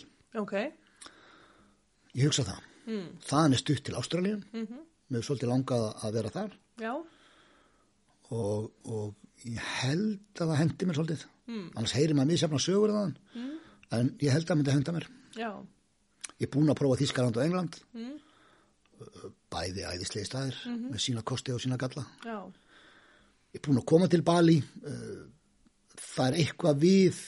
Ég veit reyndar ekki hvernig það er að vinna þar, skilur. Nei, Ég veit ekki hvernig það myndi endilega ganga upp. En, en ég geti, ég geti kannski þjálfað. Það, Mhm. er, það er nú eina ástæðan. En það er ofbóðslega þægilegur andi sem svífur yfir öllu. já, Það er svona rólegheit, mm, uh, það er ódýst að lifa þar og, og það er afslappað umhverfið, það er ekki þessi erill og, og, og, og læti og leiðindi sem maður upplifir við annars já, Mér það geggjað. En, en svo fór ég líka til Mumbai og Indlandi. já, Það er mjög sérstakt. já, Þar eru öfgarnar sko hægri vinstri. já, Maður sem átti 13 hæða blokk. já, Í blokkinni bjó hann og fjölskyldan hans. Það var risa bílakjallar undir þar sem hann gemdi 12 eða 13 bíla. Var með þrjá lækna á sínum launum. Var með þjónustulið 40-50 manns sem sáu um blokkina og allt þetta. já, Svona 500-600 metra frá. Þar var einmitt, Þar byggu sko 8 miljónir í pappakossum, í, já, undir, sumir byggu undir sektúk, aðra undir játplötum, sumir byggu í hörlegum húsum, veist, öfgarnar eru svakalegar, en fólkið þarna var æðislegt. mm, Mér fannst alveg magnað að upplifa þetta. já, Hvort ég geti svo búið þarna staðandur, það veit ég ekki. En, en, en það er ofbáslegar öfgar og, og, og, og bara það sem maður sér í bíómyndum, já, það er bara þarna. Þetta, þetta, er, þetta er alveg ótrúlega að upplifa þetta. já, þú veist, það var bara indivers kú og hún þurfti að fara yfir götuna. Já, þá fór hún bara yfir götuna. Þó það var í geðveik trafík. Það bara stoppaði allt saman. Meðan hún lappaði yfir götuna. Já, það er bara virðing fyrir því já, já, að það voru menn hlaupandi með sko svona vagna á eftir sér Já. fulla af þú veist, á miðri sko það voru kannski fimm agrinar Já. og þá voru þeir sko hann einn á agrin þrjú og annar á agrin fjögur sko dragandi þetta innan um alla bílana. Já, þetta var bara einhvern veginn svona normal. Já, það var ótrúlegt sko. Magnað að sjá þetta. Voru þá ekki bara umferðarslið? nei, ég sá engan áreikstur engan, ég hefði ekki búið að kera hann sjálfur en það var mikið að bílunum voru klestir sko Já, já. skilur, þetta voru ekkit þetta var ekkit reyns róverar og, nei. og, og eitthvað svoleiðis það voru svona hrörlegri bílar Já, já, en maður sá engan alvarlegan áreikstur allan að tíma síðan var það ég skviti, það er mjög sérstætt. Það er mjög Já. að upplifa þetta. Ég, ég, fullt af fólki hrættu að fara til Indlands, þessi veiki og það er hinn veikin og þetta. Farðu bara, já, láttu bara á það að reyna. já, Þú getur alveg svolítið veikur í Reykjavík, sko. Skilur, eða New York. Já. Getur verið skotin í New York. Mhm. Það er líklega að vera skotin þar heldur en í, á einmitt, Þannig að verður bara með opin huga og skoða það sem við sjá. já, Það er svolítið svolítið. En hvernig var til dæmis hérna gistingin og, og Já, bara geggjuð. já, Já, sér sundlaug og já, ok, Já, já, já, já, bara, á. Nei, á Indlandi gistu við, þar gistu við á, á hérna, það var alveg kostur eftir maður. Fórum inn á svona hótel og neðstahæðin var svona, það var veitingastæður og það var allt ógislega sjabbi og, og svona, svona drullugt pínu og, og, og náttúrulega ara grúi af fólki, sko, og svo leis. Og svo fórum við inn í bara upp svona stiga og hann var hálf hrörlugur þegar maður fór upp sem sagt svona ekki hrörlugur stigi samt. Já. Stigin var allt í lagi. Já. En svona umhverfið var svona pínu átt eftir að mála veggina og eitthvað svona. Svo komum við upp, þá var bara glerhurð og þegar komst þar inn, Já. þá var bara geggja flott hótel. það var bara geggja flott hótel. já, ég, Maður bara, uh, ok, horfði út um gluggan og þá bara, þú veist, fullt af fólki, alkins bílar og, og, Já. og læti og svona. Þannig bara fína hótel. já, Já, já. og varstu þegar þú varst að lappin bara, hvert er ég? Ég er nákvæmlega, ég sagði God. þú veist, hvers, hvað er að fyrir upplega núna? Þeir letu sækjókur, sko, Já. á flugvöllin Já, og þá kerði maður, sko, það er rosalega mikil fátætt í kringum flugvöllin í Mumbai og, og maður horfið bara, þú veist, maður var bara agdóa. Já. Maður hafði bara aldrei séð annað eins. Fólk sofandi undir segltúk og, og, og allt þetta. Og svo komum við hann í bæinn og maður hugsaði bara, vá, veist, bara fylg mannmerð, fylg bílafjöldi og allt og hann flautaði og du, du, du, du, komst inn í þetta og hitt og, og svo voru komin á hótelið og þá segi ég, ok, hvert fyrir við nú? og þá segi leita hann okkur þarna upp já, og þá bara, bam, já, þetta er fína hótel. Já, bara, þú veist, ótrúlega sko. Já, magnað. þetta, þetta var alveg, þetta var alveg, alveg ótrúlega næs. já, Við fengum reyndar eitthvað bara lítið herbyggjaðan sem snýri út frá aðalgötunni já, og þar hinum megin var, var eitthvað skonar hérna Mekka, einhver, uh, þar voru klukkan sex á mótnana var byrjað að, Já. byggja og, og svo leiðis. En það trublaði mann ekkert, sko. Nei, nei. Það er bara þeirra. partur af Já, bara partur af kúltutum, skilurum. algjörlega. Og það sem var skemmtilegast við, við þetta var líka þannig, svo röltu við þannig að prófið að lappa nýr í bæinn og, og það tók svona 20 mínútur eitthvað leis. Á leiðinni sá maður allt mögulegt og ómögulegt Mm. og, og hérna, ég ætla ekki að að telja upp öll, öll dýr og annað sem að maður hitti hann á leiðinni, sko, það var ótrúlegustu dýr sem að maður rakst á Já, og fórum nýr í bæinn og þar var, miðbærin var bara nokkuð svona pínu svona uh, vestræn innblástur í, í Já, ok. sumu, Já. en náttúrulega gríðaleg mannmerð og, og, og, og svo leis þannig að þar fórum við svo og fórum út í einhverja eigu þar sem var svona trúar dæmi mikið af, af hérna af svona grafin í helli mikið af uh, svona hvað segir maður indverskum guðum og, og svo leis Já. högg, höggið í, í bergi og svo leis og þá lendum við í því að þar voru, tókum við gæt sem þetta við komum á eiguna og hann Já. fylgdi okkur og, og þá allt í hennu var svona fullt af fólki í kringum okkur. Og við alveg byrju, hvað er það og svo spurðum við hann sko þá sem já, já, þau vilja fá mynd með ykkur. Þau hafa aldrei séð svona hvít fólk. Og við bara, ha? Já, þau hafa bara aldrei séð svona hvít fólk. Já, og, og hérna hvort ég geti fengið mynd? Já, já, já, svo veit, það hérna fett fyrst voru það einhverjir tveir svona bara svona krakkar þeir svo bara komið röð bara svo stórstjörn. já, þú veist að maður hugsaði bara, ok, sæll hvert er maður eiginlega komin Já, þetta var mér rosa, rosa gaman að þessu. Já, og, og sem sagði maður það bara að maður var ekki eins og allir hinnir og, og maður var þokkala á sig komin á svona tíma og svona og, og nýkla vöðvana og gera þetta og, og svona var allskinn svona fyrirspurnin líka sko. Þetta, þetta var alveg geggja sko. Því að svo daginn eftir fórum við með öðrum gæt sem fórum með okkur í, í, í fátaklarkörfi þar sem að slömdók miljónir var tekið upp í Já. endanum og allt þetta. Og svo fórum við hann upp á einhvern hól til að sjá yfir bæinn og svona og þá byrjaði þetta aftur. Já, og þá sagði hann sko þetta er bara þannig, þetta er fólk úr sveitunum hinn í kring já, og er að koma til Mumbai og ykkur um pílagrinsferðum eða einhverju sko að sjá eitthvað, að upplifa eitthvað.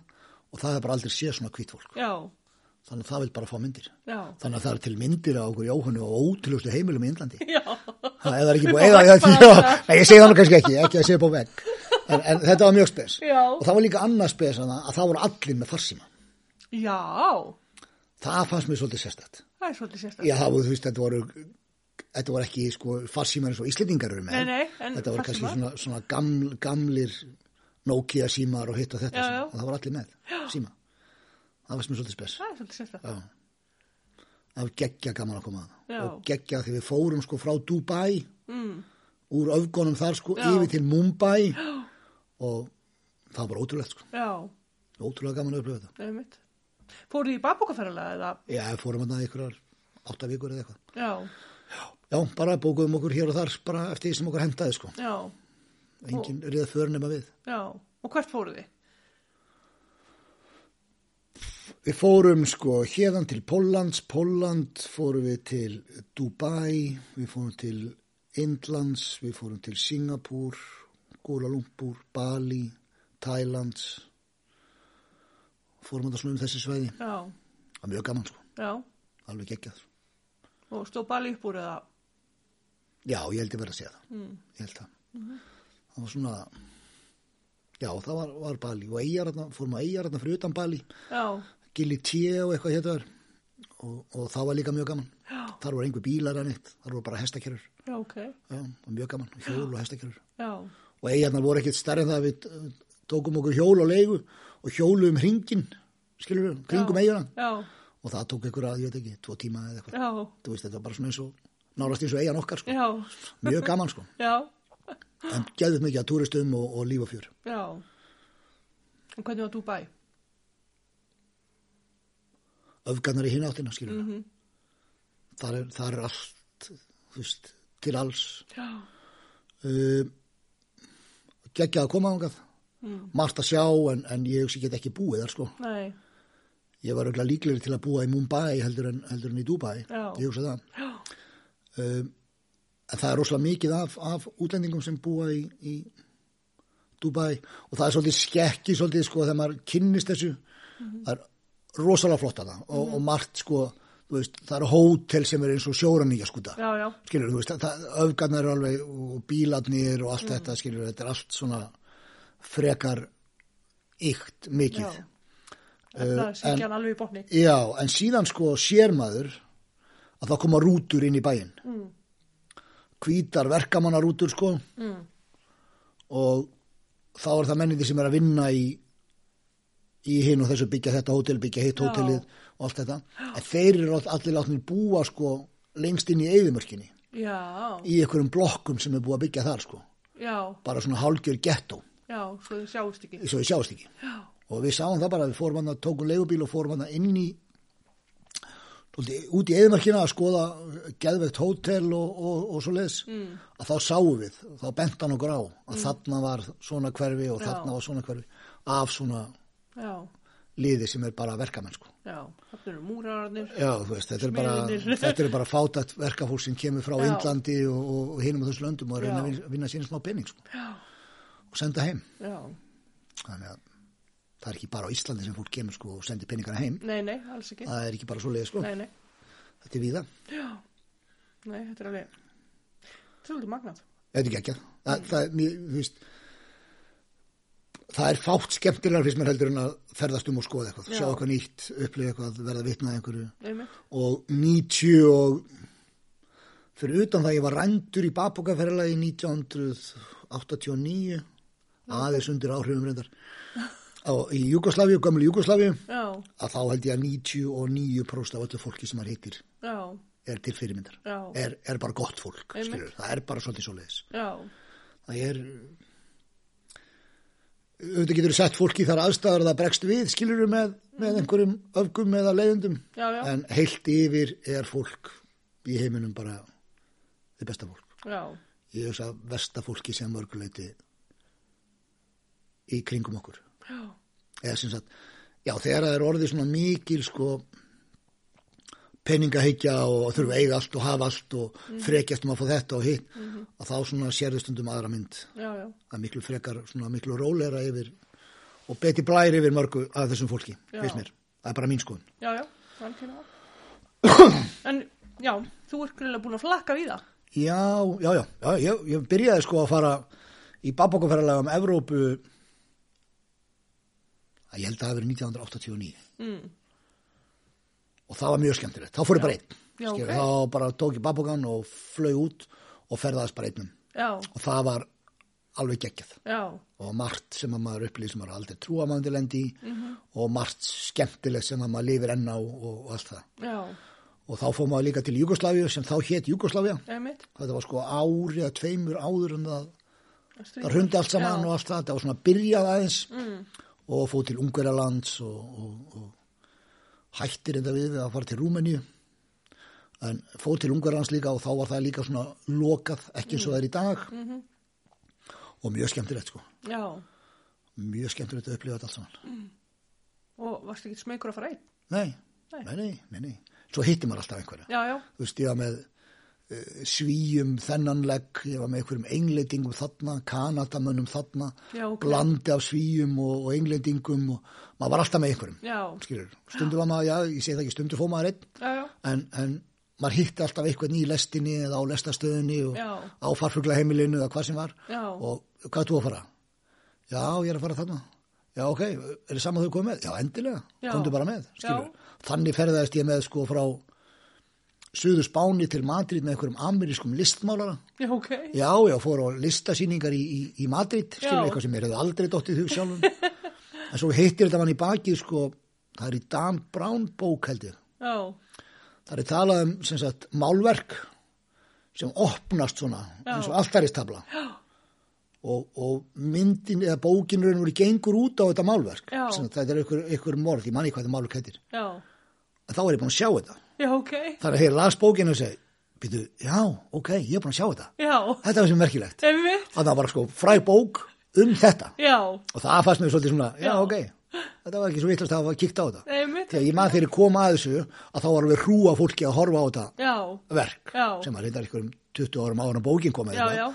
en þá, þetta var greinilega mjög frækt og er Já. mjög frækt, ég man bara ekki hvað heitir ég man ég postaði hann á Facebook eða eitthvað myndaði, Já, þannig að mér varst það mjög skemmtilegt já, magnað. Já.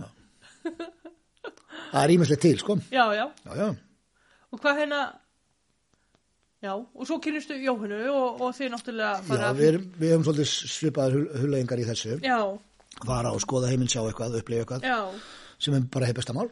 Einmitt, og það er ekki búið það eventýri, sko Nei. held ég, nei, ekki nema að Jóhanna hætti bara við. Já, Það er svona verið að spá spekulera. Það er erfitt kannski núna já, á þessum tímum. En það kemur, Já. það kemur bara setna. það er hægt að undirbúa og svona. Já, já, já, já, já. Og, og við vorum sko rétt áður á COVID skall á. Já, Þá vorum við búin að semja við eina stelpu sem, sem á ætti sína reykja til eiga, komum við enn og aftur að því, að, að hérna, að reka, já, að reka fyrir hana líkansvartastöð á, á Gold Coast í Ástralíu. já, ok, Já, ætlum að vera með það held í einn eða tvo mánuði, já, meðan hún fór heim til Íslands. já, En svo kom COVID og skaut það allt niður. já. Þannig að frækka eftir. mína, Það getur vel verið. Marja Birgit. Við veit hvað hann heitir. Nei, ok. Man það ekkert. Ég man ekkert svo leiðis. Nei, ok. Já, hún náttúrulega líka sætt stóð Ástralíu. Guðbjörg Ósk er, er Mamminar? já, já, er þetta já, frænka. Já, já, já. Allar áttir líka til okkar, sko. Já, þetta kemur allt til okkar. Já, svo býr náttúrulega Ósk er Á Bali. að. Við er leigðum reyndar af henni, sko, Já, ok. húsið. Hún fekk húsið okkar yfir, yfir þjóttíðina og við vorum í íbúinu hennar á Bali já, með eðlunum. já, Það var mjög skemmtilegt. Það var, það var, það, víst, Bali var alveg óborgarleg, sko. Það var æðislegt að vera það. Það að, er bara svolítið svo leiðis. svona heimur er lítill. Já. Og allt hjá mér. Allt tengist þetta þér. Nafli alveg heim er hjá Ölmu í nýju uppgerðu timburhúsi. Það er enda steinstift en Já, ok, steinsteft, klætt klætta utan. Æj, æj, æj. Já, svo ertu mikið að hlusta á tónlist eða ekki? Já, eftir kannski bara með eina, Jú, eina hljómsveit. jú, jú, nei, ekki bara með eina hljómsveit, nei, nei, ég var náttúrulega algjör tónlistar fíkil, sko. Mm. Uh, kann reyndar ekki það hljóðfæri, en, en það skemmir ekki stemmingunum að hlusta á góð tónlist Nei, nei, og ég hef farið, gett mikið af því, jú. Ég held ég, ég meira segja, ég er alltaf að reyna, reyna að fara að selja þetta, koma þessu öll í sölu. Ég held ég, ég, sko, það er, segjum bara 3000 vínilplötur. já, Það er eitthvað stærri kringu það skilur, fullt af fólki sem hefur geðið mér og hitt og þetta og svona sumt af þessu ef ég láti fara og öðru held ég, sumt, þykir mér vatnaðum en annað. Mm, og, og ef einhver er að leita vínilplötum þá getur hann haft samband. Já, en, en, en já, ég hef verið svolítið mikið í, í tónlist. Já, sumir hafa gengist langt að segja að vinna við þetta að segja að vinna út á stöðu eða eitthvað. Mm, ég var svona uh, hvað sagði Jóhanna, ég var í fullur af upplýsingum um ekkert skilur, maður veit svona ímislegt sem að tengist inn á þessu Já. sem öllum er kannski bara fokk sama um Já, skilur, já. eða drullu sama hvað, hvað er veist, en, en þetta hefur svolítið bæði með fótboltan og, og svo með tónlistina Já. var ég náttúrulega bara fíkill í þessu það var bara mín ær og kýr og hefur þetta bara gert með gott sko. já, það ekki. já, jú, jú Og hvar geymir allar plötunar? það eru alla núna í, í CrossFit pressmiðunni Já, ok. já í ögna blikinu Já, það voru sko, þetta var bara heilt herbyggi þegar ég byrjaði á fjólugundinni sem var bara undir þetta sko. Já, en svo svona hefur svona minkað aðeins áhugin á þessu. Maður gefur sér ekki eins mikið tími í þetta. Nei það er ímyndilegt annað sem að maður er farin að gera og, og, og leika sér í. Já, en að fara á tónleika og svona það er alltaf mjög ofalega á listanum sko. Já. já, já, já búin að sjá YouTube til dæmis ansi oft sko. Mm, ég syns ég búin að sjá það á átjánsinnum já, sem eru nokkra ferðir. Já. en ég var líka svo frægur sko, fyrstu tónleikandi sem ég fór á voru live 1 já, ok. þannig að maður byrjaði bara toppnum. Já, og það verður eitthvað sem verður aldrei toppað. Aldrei Já, já. í mannkynnsögunni verður það toppað. Þannig að það var það fyrsta sem maður sá. Já, og það var náttúrulega sko ótrúlegu dagur sko, alveg ótrúlegur. Þannig að eftir það þá svona kveiknaði alltaf meira og meira áhuga að fara og sjá þessa og, og, og upplifa hitt og þetta nei mitt. bara frábært sko Já. Og eru YouTube alltaf jafngóðir á sviði? já, já, þeir, þeir með eiga það Mm. það er það sem þeir hafa sko eins og reynda mörg önnu bönd það er alltaf gaman að sjá það -hmm. og það er líka alltaf þægilega þegar þú kant lögin. Já, já, og allir sko, þú ert kannski á vembli með 60.000 manns Mhm. og þú veist 52.500 kunna öll lögin já, þú syngja með. syngja með, og það er ákveðin stemming og, og svo leis, sem Einmitt. er bara gaman sko já, já, og það er ákveðin það er ekki bara brekkusöngur skilur við, veist, en, en, en þetta er rosa skemmtilegt. Já. Hefur þú náðu að hitta þá svona í, nei, Nei. já það eftir, já, það kemur. Já. engar ágjörð því strax. Það er að fá þá til að spila þjóðtíð. ég er búin að reyna það. Ég er búin að reyna að fá, reyna að fá það til Ísland sko. Já. en það gekk ekki, ekki nóg vel. Það var búið að skipuleika túrin og, og þeir vildi ekki að umbóðsmaður sagði það bara því miður, þá bara gengur það ekki upp og, og svo þarf það náttúrulega óhemja fólki sko, Já, já. þess að þetta standa undir sér einmitt. en það er enda leiði sem ég sé að þeim sko, er Mm. að fá það til að spila í Herjóstal. Það og, sko. og þá ekki með þú veist, menn verður bara ekki sér grein fyrir það er ákveðin annmarkað, þú kemur ekki um að kannski segjum bara, þú veist, 10.000 manns Mm. eitthvað og það verður þá bara já, það verður ekki meira já, og ég held sko þegar þú ert komið svona langt búin að gera svona margt, búin að upplega svona margt Mhm. að þá er alltaf eftir að plata til að gera svona one-off eitthvað öðru já, og þar held ég að Vestmannegar eða Herjóstalur geti spila stóra röllu sko, já, ég held það. Já, miklu frekar heldur en lögatarsvöldurinn já, mitt. já, ég hugsa það.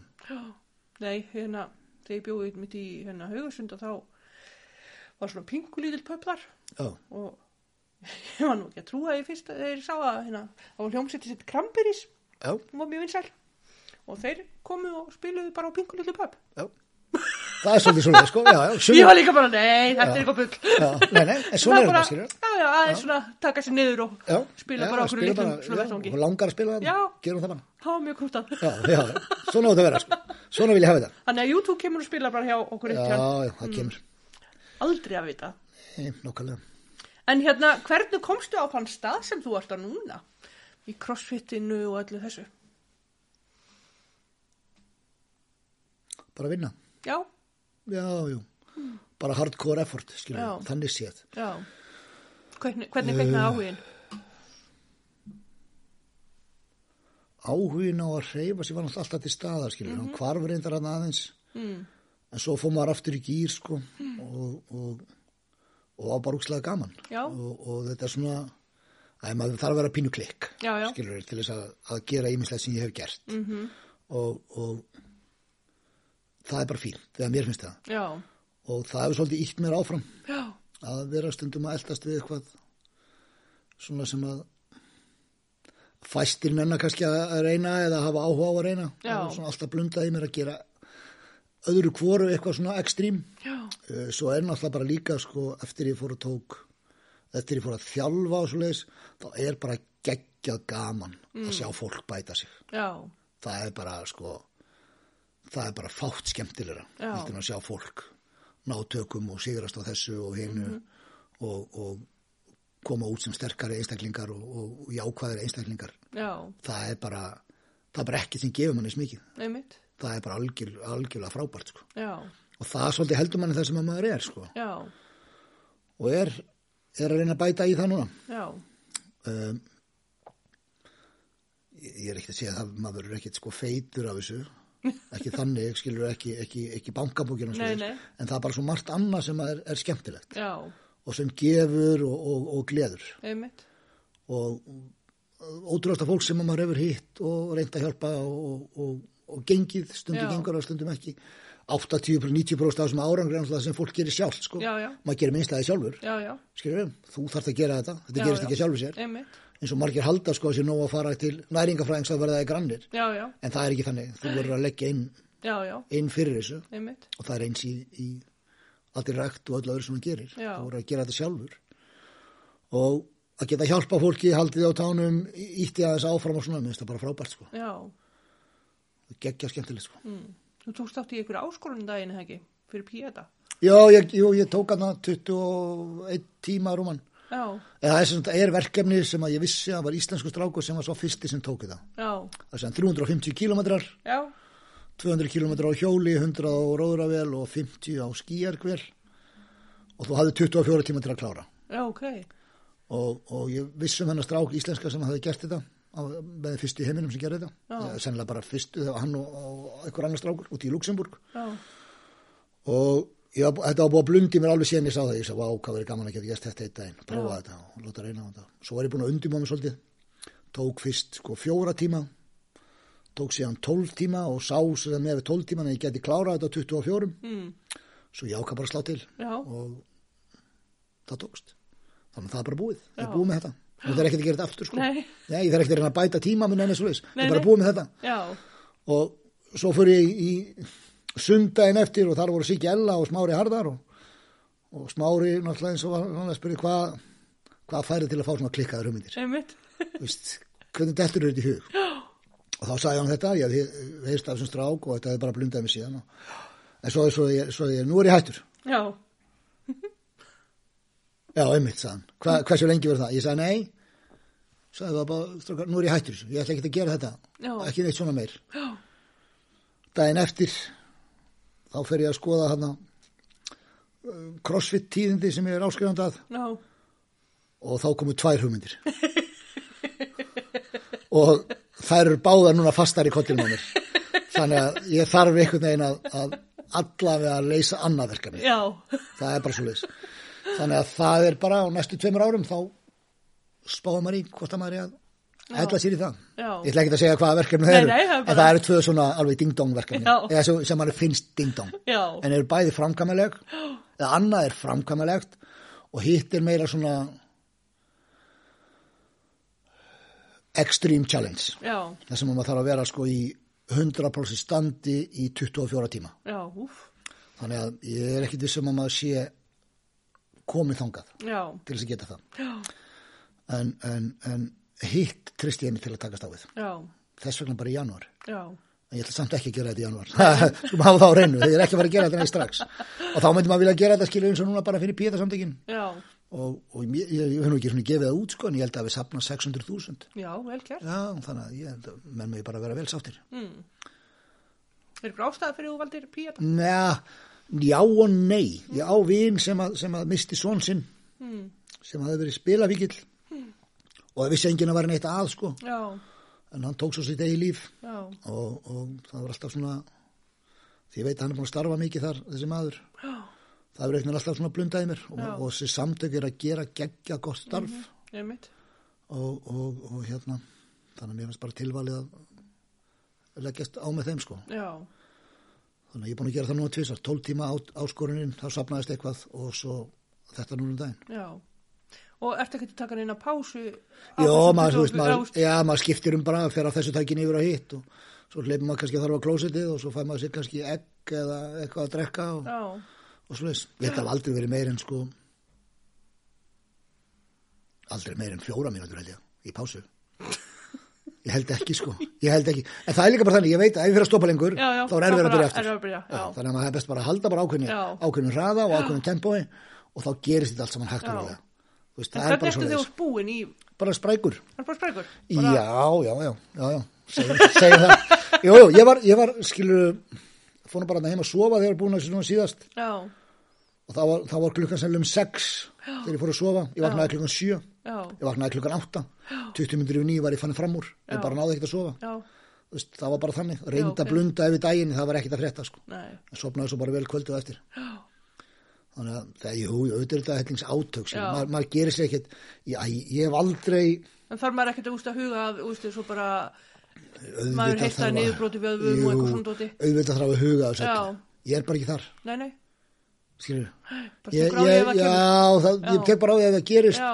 og, og hérna hjartslátturinn rauk upp í 190 að einhvern tímann mm. og þá hætti ég bara í þrjár myndur Já. skilur Já, sá hann lækkaði og, og byrjaði aftur já, og rætti ég nú við góða vini mína sem er að æfa hjá mér mm, Hildur og Arnór og þau svo já líka minn hefur bara þurft eitthvað skot skilur og rauk hjartslátturinn hann upp. Ég mynd, þannig ég var ekkert að mér ágjörðu því eftir á skilur þetta var reyndi rætti þetta við nokkur dögum síðar sko. Já, skilur en, en það var eina svona sem ég hugsaði ah, þetta er ekki alveg rétt sko, ég var búin að Já. gera þetta áður og gerist þetta ekki. Þannig að jú, jú, en ég víst, ég er bara þannig að ef ég fer að velta mér upp úr hvað getur gerst hvað Já. gerist og allt þetta þá gerist ekki reitt nei, mitt. Já, þá er ég bara ekkert að fara að leggja stað. Nei, það er bara leys þannig að ég segi bara ég ætla að gera þetta. Já, já, svo Uh, bara, sjá hvað gerist. svo bara sjá hvað gerist. Já, en ég myndi aldrei fyrirgefa mér að það myndi klikka sko. nei, nei, ef ég er að hætta þá er ég brjálaður. Já, skilur keppnisbæður. Já, í svona, þeir eru fyrir Já. svona, skilur. En keppnismæður, ég veit það ekki. Ég kannski, einhver myndi segja að vera geggjað keppnismæður, aðrir kannski ekki. Já, en ég fer sjaldnast ég var aðeins lagað að síðast liðin 2-3 ár mm. en ég fór aldrei og, og fór í crossfit skilur nema til að vera 1, 2 og 3 Já, það var bara, þú veist mér var alveg sama þó að vera neðar Já. og ég fer alltaf í öll sem ég sé alltaf Jóhannu, nú erum við að fara til að vinna. Nei, við ætlum að fara að hafa gaman þessu, við ætlum að vera með. Nei, við erum að fara til að vinna, nei, Gili, við erum að fara að hafa gaman. Ég segi, ok, þú hefur það við, þú- ég hef þetta. Já, skilur ég sé alltaf, maður fer Já. maður gerir sitt allra allra besta svo kemur bara ljós hverju það skilur. Já, skilur, stefna alltaf á fyrsta setið. Já, já, ef ég er í þriða, þá er það bara fínt. Já, já. ef ég er í fymta, þá er það bara Já. Skilur, bara ef ég fari og stefna á að vinna þá líður mér miklu betur með sjálfum mér. Já. ef ég fyrir að segja, að ég ætla bara að vera með já, þá verður ekkit sama effort í gangi. Nei, skilur, þá verður maður bara, já, ok að ég gerir þetta bara róli heitum já, ég nenni því ekki, sko. Ég nenni því ekki alltaf. Nei, þessna æfi ég mikið einn. Já, þannig að það kannski henda mig betur já, upp á allt svona, sko. annars verður maður alltaf að missa sig er alltaf geðveikur, já. ég má ekki alveg við því. En hvað hérna, fyrir fólk sem að hefur áhuga að fara í crossfit, það er bara að tala og gera hjartar. Já, bara mæta. já, crossfit er fyrir alla. Og hvernig er opið og svona? það er opið frá 6 á mótana til 7 á kvöldin. Já, ok, 5 dagar vikunar mm. það er tímar 6 á mótana 12 í hádeginu og tímyndir við 5 um, það er paratími á laugatum frábær skemmtun. Ok. um, það er bara open gym á sunnudum bara opið og þú getur komað æft. Já, það er stýttur opnunatímar um helgar náttúrulega. En já, bara ekki hika við að hafa samband sko. Það er ótrúlegasta fólk sem hefur dottið hann inn og er þetta ennþá. Já, það er það sem ég vist langskemmtilegt það kemur einhver inn og mjög nei, þess er að fara að gefast upp. Já, ég sé hann ekki alveg endast í þessu. Og það líður ennþá. Já, og hefur ógeðslega gaman að þessu og leggur sér alltaf 110% fram. Já, bæti sér í þessu, bæti sér í hinnu er skinsamt, er ekki að missa sér í þingdum og eidilegja veist, markmiðið sé þessi alltaf við krakkarinn á mér markmiðið með æfingun í dag er að geta mætt á morgun. -hmm. ekki að æfa þannig að þú komist ekki í þrjáta Já. eða fjóraða eða Já. viku. Þá hættir bara. Þú veist, það er alveg svo veist í, í, í megrun eða einhverju skilur Mhm. og þú ert að fylgja einhverju plani og þú klikkar á laugati óh, það er ónýtt. Já. ég hættur, já, en þú byrja bara aftur á sundi skilur, lífið er fullt af hindrunum. Já, já, en þú stendur svo bara upp og heldur áfram. Ef þú ætlar að liggja bara í jörðinni þá bara fæn, þá áttu Já. bara úr leik. Já, en það geta allir staðið upp og haldið áfram. Já. þannig á það að vera. En svona fyrir þá sem ekki vita neitt um crossfit, hvað, hvað er crossfit?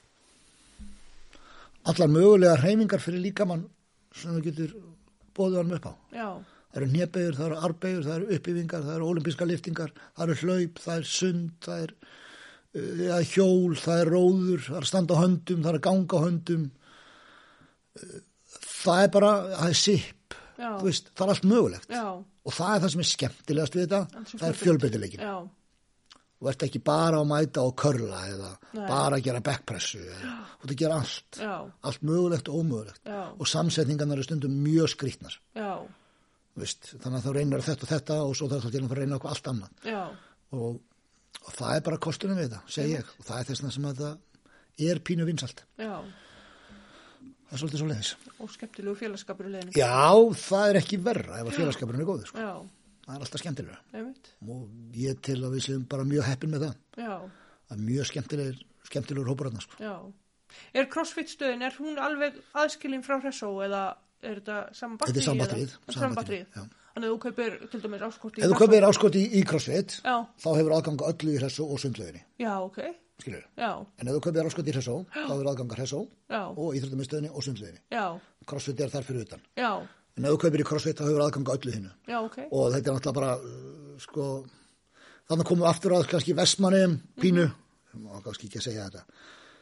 Uh, fólki finnst þetta kannski dýrt skilur Mhm. svo farið eitthvað úr Reykjavík sem kemur hvað, ok.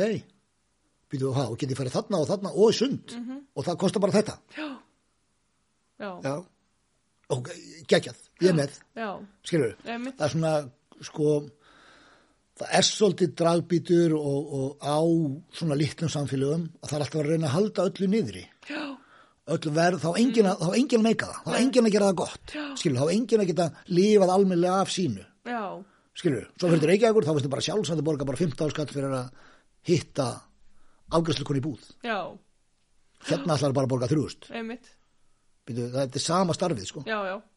Og þetta er sama hugarfar- hluturinn, já. Þetta er sama hugarfar líka gagvart sko reykingum og landsbyðinni. Já, já, algjörlega. Þegar, hérna, Algjörlega.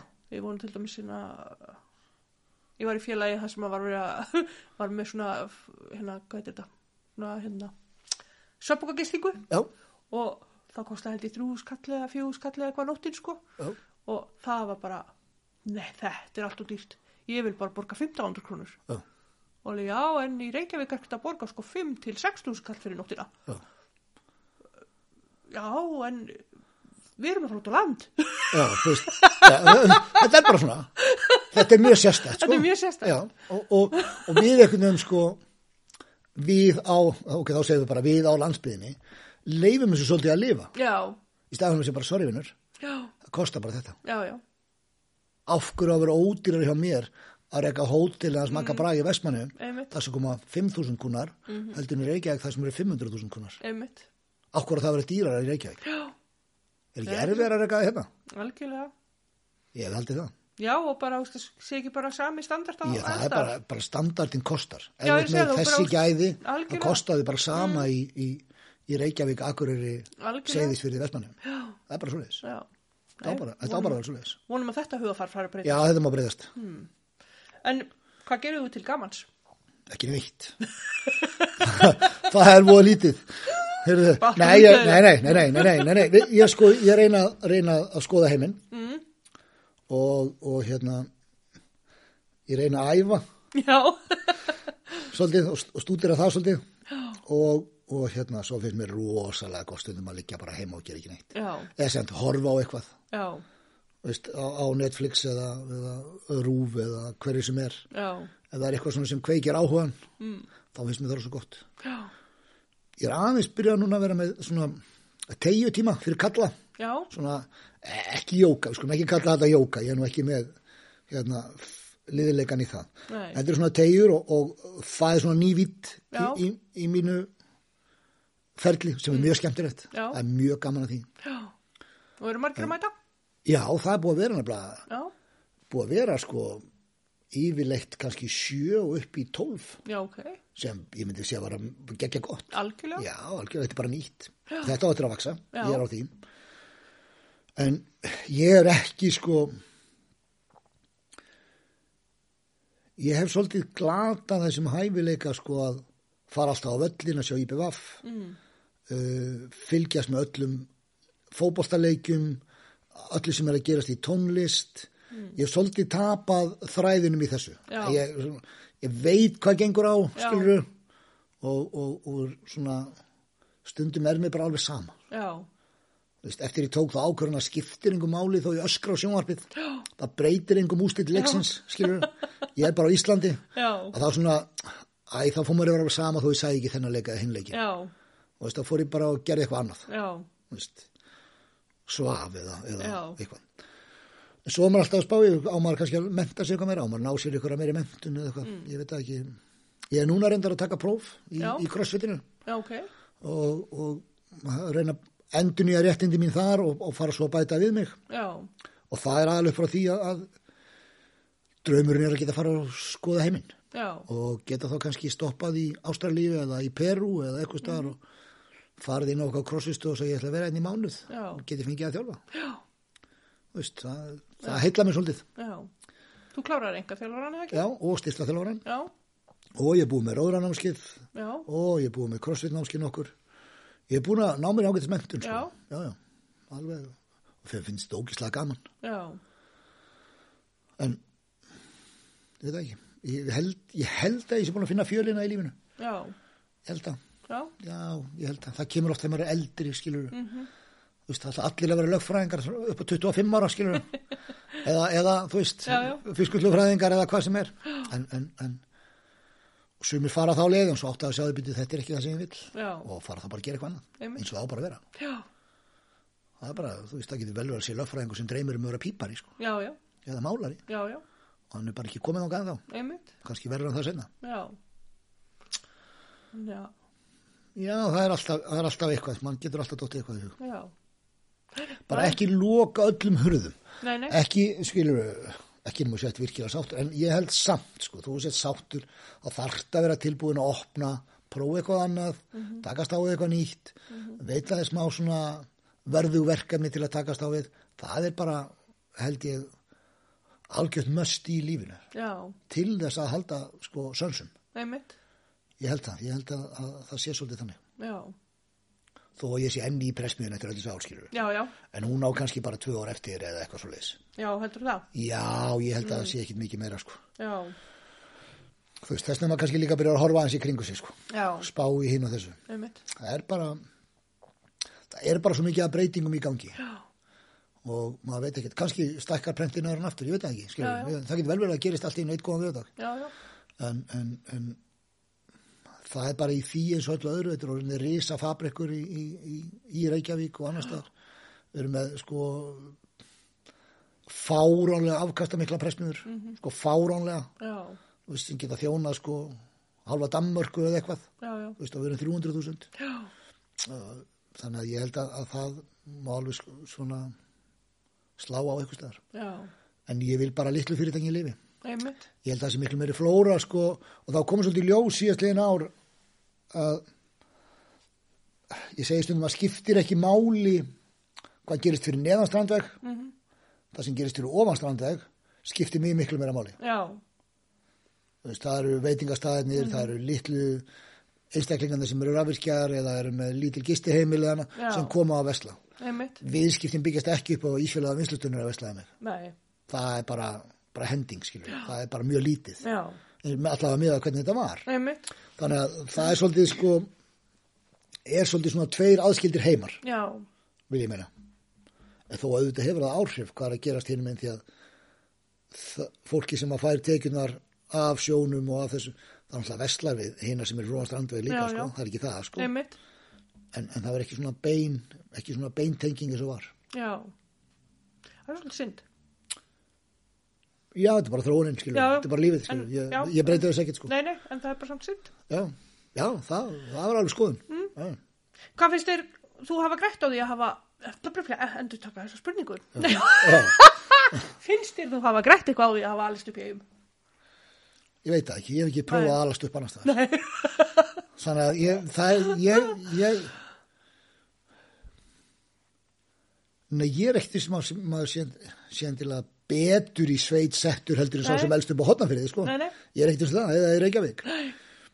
Það er gott að hérna. Já, og það er ákveðið frálsræði og, og, og, veist, og við vorum bara í fótbolta þarna og þarna og, og, og allt þetta skilur já, og stutt í alla vinahópa og, og maður lappaði, maður fór í skólan maður fór heim maður lappaði í bæ maður lappaði heim, maður lappaði æfingu maður, maður var endalast á ferðinu og allt þetta. Já, en þetta er ekkit ég held að ég hef ekkit grætt neitt meir en einhver annar sko. Nei, nei, ég held ekki sko. Ég held að sé, ef maður fyrir að líta á þannig þá er þetta orðið held ég hálf skrítið sko. Já, bara spurning hvað tekur út í því sem þú já, mitt, hvað, hvað hjálpa þér á þinni vegferð? Það er bara svo liðs já, alltaf, er ekki slemmt að alast uppina sko. Nei, nei, lundapissu tíminn skilur fullt af svona hlutum sem í dag er alveg svona hotspots fyrir túrisna og svona. Já. þetta var eitthvað sem var óls bara uppi og fannst bara sjálfsagt já, já, skilur það var bara veist, 110 písjur á kvöldi. Það gerist bara nokkur sinnum þannig að en í dag er þetta náttúrulega svolítið breytt sko. já, en það eru, það eru ákveðni kostir samt sko, við að aðalast upp í litlu samfélagi. Mm. við að við kannski stóru, stóru sveðin Mhm. en ég held að sé ekki sem gerir eitthvað gæfumun sko. nei, ekkert eitthvað svona alveg, nei það held ég ekki, ég held að sé ekki þetta að flokka þetta þannig nei, það verður bara hver og einn að taka þáttu lífinu sem hann, sem hann getur sko. já, og það er bara misjönd já, sumir sko, brillir að upp í Reykjavík sko. já, mitt, aðrir ekki, já, það er bara já. En ertu með einhverju hugmynd til þess að efla samfélagið í Vestmannaugum? Er það sér þáttu kannski? Nei, ég, ég veit ekki, mér, dreymir stundum um sko og, og bara síðast um að tala um það í gær sko, ég hef stundum hugsað þetta þannig að við höfum óbúslega góð tækifæri í að vera sérstaklega heilsudrifin eiga Mm -hmm. og ef við myndum byggja við íþróttamistöðuna ég er bara ekki efna því, þá var ég búin að sækja um það. Sem það stöð það sem væri crossfit, það væri spinning, það væri skilur önnu sundlaug, heitlaug og, og, og allt þetta, allt þetta á einum, bara á einu svæði, að þá getur mann farið að búa til sko heilsuferðir til eiga, gönguleiðir, það eru útegaferðir, það er uh, sund, það er hlaup, það er öll þessi reyfing og það er allt þetta sem til þarf. Ég held að, að heilsutengt ferðarþjónusta í Vestmannum gæti orðið góðu bransi. Já.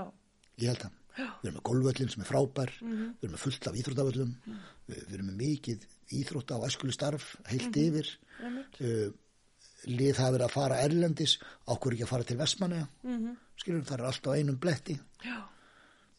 Ég veit ekki, ég, ég sé stundi fyrir mér ákveður í gólklúburinn ekki með stráka sem taka móti gólfurunum nýr á herjólfi. Mm.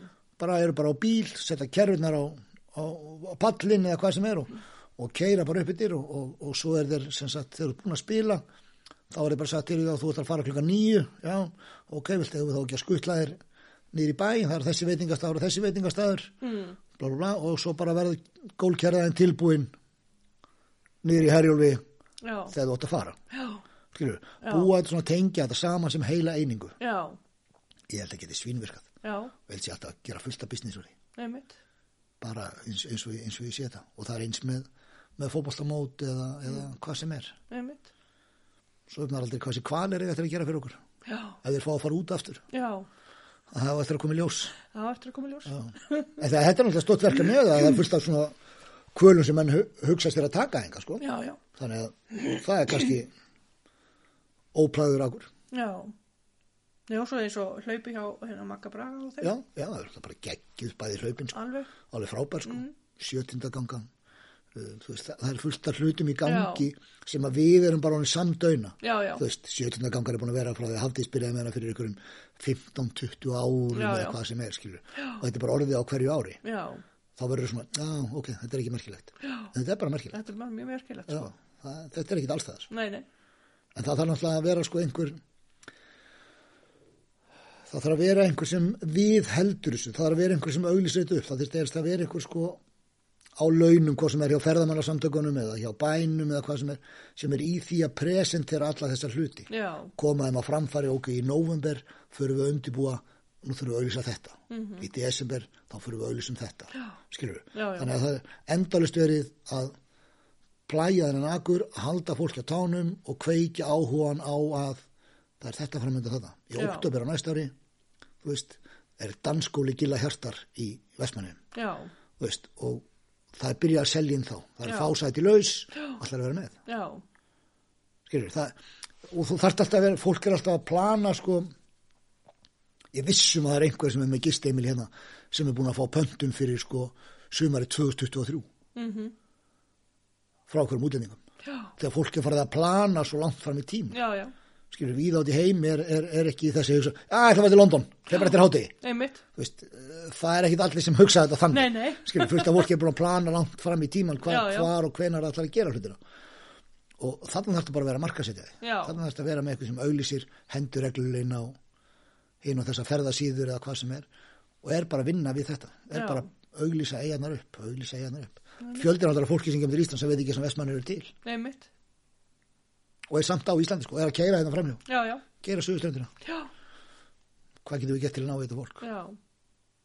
Það er á mörgum kortum sem bara... Já, þurfum að, búa til, þurfum að búa til vegabref sem liggur í sjoppum á Suðurströndinu og þegar þú kemur þá farið stimpil, þá farið afslátt í, eða borgar bara þetta í herjólf og, og þú farið sund hérna inn í fallið eða hvað sem er og, og borgar minna í sund eða hvað, þú veist, afsláttu þarna, afsláttu hér, getur við gert eitthvað svo? Einmitt. Er það eitthvað sem selur? Ég veit það. Já, þetta er bara eitthvað sem þarf að viðra Já. og spá og spekulur í. Einmitt. Ég held að, ég held sko að samfélagið er að eldast. Já. þurfum einhvern veginn að reyna að snúa því aðeins allavega að hæja á því og, og til þess þurfum við náttúrulega sjúkrahúsin þarf að vera í lægi, skólanum þurfum að vera góðir ég held að, að frýtt askulistarf fyrir krakka ólinga telji líka ansi stórt í því þannig að, að við þurfum að vera á tánum með það og reyna að stíga eins og móti þessari öldrun skilur þó maður sér sjálfur að verða eldri borgari að- vinna eins og móti og fá ákveð jafnvægi í þetta Já. og þá eru vestmanniðin bara allir vegi færir Já. það er bara svo leis Já. Ertu prakkari? Nei, ég held ekki. Ég held ekki. Hvað er prakkari? Svona... Gera óleik, gera fólki óleik. Já, svona stríni eða... Já, jú, ég, ég skal alveg, ég skal alveg, já, ég skal alveg vera þar. Já, Já. já, já, ég skal alveg vera þar. Þetta var stundum. Hvað er stæðista prakkarastrykki sem þú gert?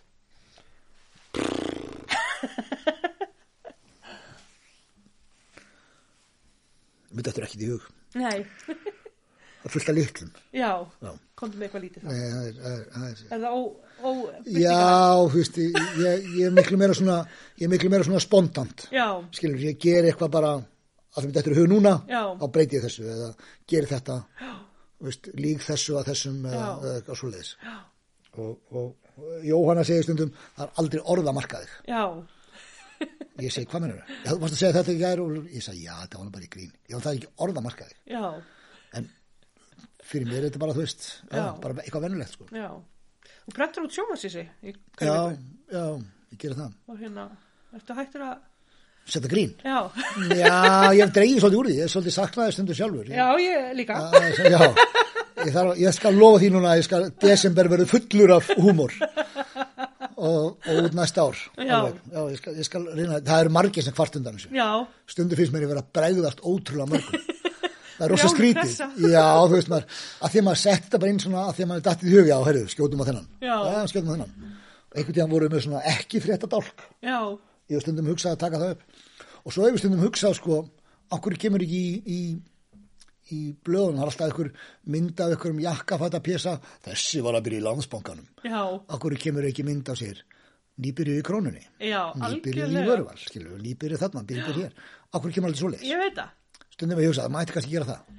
Já, Vera með eitthvað svona aðeins öðru Veist, Alma sást fara í krónuna. já, Alma var í ríkinu. Eitthvað svona, búa til eitthvað svona til að Einmitt. fólk sé, ha, ha, hvað, er eitthvað merkilegt það? Nei, Já. það er ekkert merkilegt það. Nei. Það er heldur ekkert merkilegt að einhver sé að vera að vinna í landsbankanum. nei, Eða, bara í jakkafötum. ykkur, já, eða er rosa skrítið. Það, það kemur á, á annað talandum að við erum að tala um að ríki og bæir sé alltaf að stækka. Mm. Það var auglýst staða, með minnir að hafa verið ráðunandi stjóri í mentamálaráðandinu. Já, Og minnir að hafa verið, töluna getur skeika einum á tveimur. Ég held að það var sótt 15 um. já, Og þar að voru 13 skrifstofustjórar í mentamálaráðandinu. já, Og ég hugsaði, hvernig getur það verið að í einu svona ráðandi séu 13 skrifstofustjórar. einmitt. Þannig bara búið að búa til eitthvað kraðag Já, já, sem er engin þarf fyrir. Já. Ef þú hækkar í launum þá fyrir eitthvað titil einmitt. og svo farið eitthvað samning, það er ekki hægt að segja þér upp. Já, Þú varð ár á launum. Þetta kjaftaði. já, Það er bara þryggja mára öfsóknarfrestur. eins og allstaðar. Og bara annars út með þig. Veist, ég skil ekki okkur hvernig menn geta mistið allt svona. Nei, líka, Það er bara verið að milja undir sig og sína, sko. mér finnst líka mjög skrítið að fólk skuli fá um eitt ykkur starfslokasamlinga þegar þeir hafa gerst brotlegir í starfi. Já, býtu, eða segja upp sjálfur. Já, já, ég er að segja það Já, bara, uh, halló, okkur var þá starfslokasamlinga að þú ætlar að hætta. bara kjaftaði. Já, Það er fullt af svona hlutu sem er laga. Já, já. En þeir, þeir sem fara með ferðina, Já. þeir eru allir á þessum spena og sjá ekki ruglið. nei. Það er nú bara stór galli, sko. Því miður. Já, því miður. Og svo ef þeir eru með bent á þetta, þá reyna þeir að finna leið til þess að réttlæta það sem þeir voru að gera. Já, Og einhvern veginn texta, skilur við. ef það er einhver pólitíkus í því, þá texta um að flækja þannig að, að fólk gefst upp á ræðamálið já, og sé bara, já, ok, allt er leið. allt í lagi, þetta er það er bara svo leis. Ertu með ykkur loka ára okkur? Nei, Nei, bara allir að vera kátir, jákvæðir og horfa björtum augum á framtíðina. já, Það er svolítið svolítið. Já. Ekki fara að hengja haus þó að gerist eitthvað í dag sem að pyrra þig. já, og kjósa fólk. Já, kjósa, ég tala ekki um það. Já, það er bara mín skoðun, Já, skilur. já. það er ekkit, það er ekkit nei, ég- allir eru komnir á þann vagn. Já, Það eru já. margir á þeirri skoðun. Já, já, Það er bara- fyrir fjölgandi. Uh, nei, og vera bara jákvæð, skilur, eins og í svona samfélagin sem hérna, auðvitað eru aldrei allir alveg sammála. Mhm. En það þarf ekki að vera gasbrand og gólandi um það alveg hægri, vinstri, út og suður, ú- út í eitt. Já, Til hvers? já, Hvað ertu að gera nema að draga sjálfa þig niður? Einmitt. Út að pyrra sjálfa þig og vera alltaf að tuða um sömu hlutina. já, Hættu því bara. Farðu bara rættu við aðilan og leysið í málið. einmitt, Þarf ekkert að standa í ykkur ströggli. Skilar engu. Það er bara svo leiðis. Ég bara, ég bara átta mig ekki stundum á hvert fólk er komið. Sko. Nei, Í öllu svona, hvað allir eru ómögulegir nema þeir. já. Ef að það er svo leiðis, þá er eitthvað að hjá þér. Það sagði mamma mín alltaf alltaf. Ég, það er svoleiðis. Hún sagði Mamma allir orðið var vitur að kona. þá kíkjum við í speilin. Já, ef allir eru orðin asnar, Já. allir í kringu því að gera eitthvað rátt, kíktu þá sjálf þér. Algjörlega. Það er bara svoleiðis. Þannig að, að það eru loka orð. Já. Það er bara svoleiðis. Við skulum að enda þetta því. Já. En það, já, já. En það er aldrei að vita en ég fara, fá kannski að pikki þið aftur þegar þú ert búin að fara til Ástralíu og hinga á þangað. Já, já, það Hmm. var alltaf, anytime, ekkit vandamál. Þegar þú kemur tilbaka og allir að eyða síðustu dögunum hérna Já, já, einmitt, rétt árin fyrir gröfina. Þetta voru fyrir Já, gröfuna. ég vissum að ég er í kerði niður að okkur um trukki í Ástralíu. Ég vissum að vona hlaupi yfir göttu. Eða bitin á snák. Já, Það er kannski líklega. eða konguló. Já, eða konguró. Já. Nei, snák. Mér finnst það Já, svona- frekar snák. Já, það er Já. meira minn stíl. Já, Já. bara takk helga fyrir komuna. Sumulegis, takk fyrir að bjóða mér. Bara minnsta. Nú fáum við að heyra sögu sem Lilja Guðmundsdóttir ritaði í Blík árið 1939 sem ber nafnið Erfið kaupstaðaferð. Heimildir eru fengnar af heimaslóð.is. Þetta sögubrót er í bóði bókasafs Erfið kaupstaðarferð. Um 1870 var það í fyrstu viku vetrar að tvö áraskip fóru úr Östurlandegjum til Vestmanneja. Var ferð þessi gerð til þess að sækja til eigana ýmsan búðarvarning til vetrarins.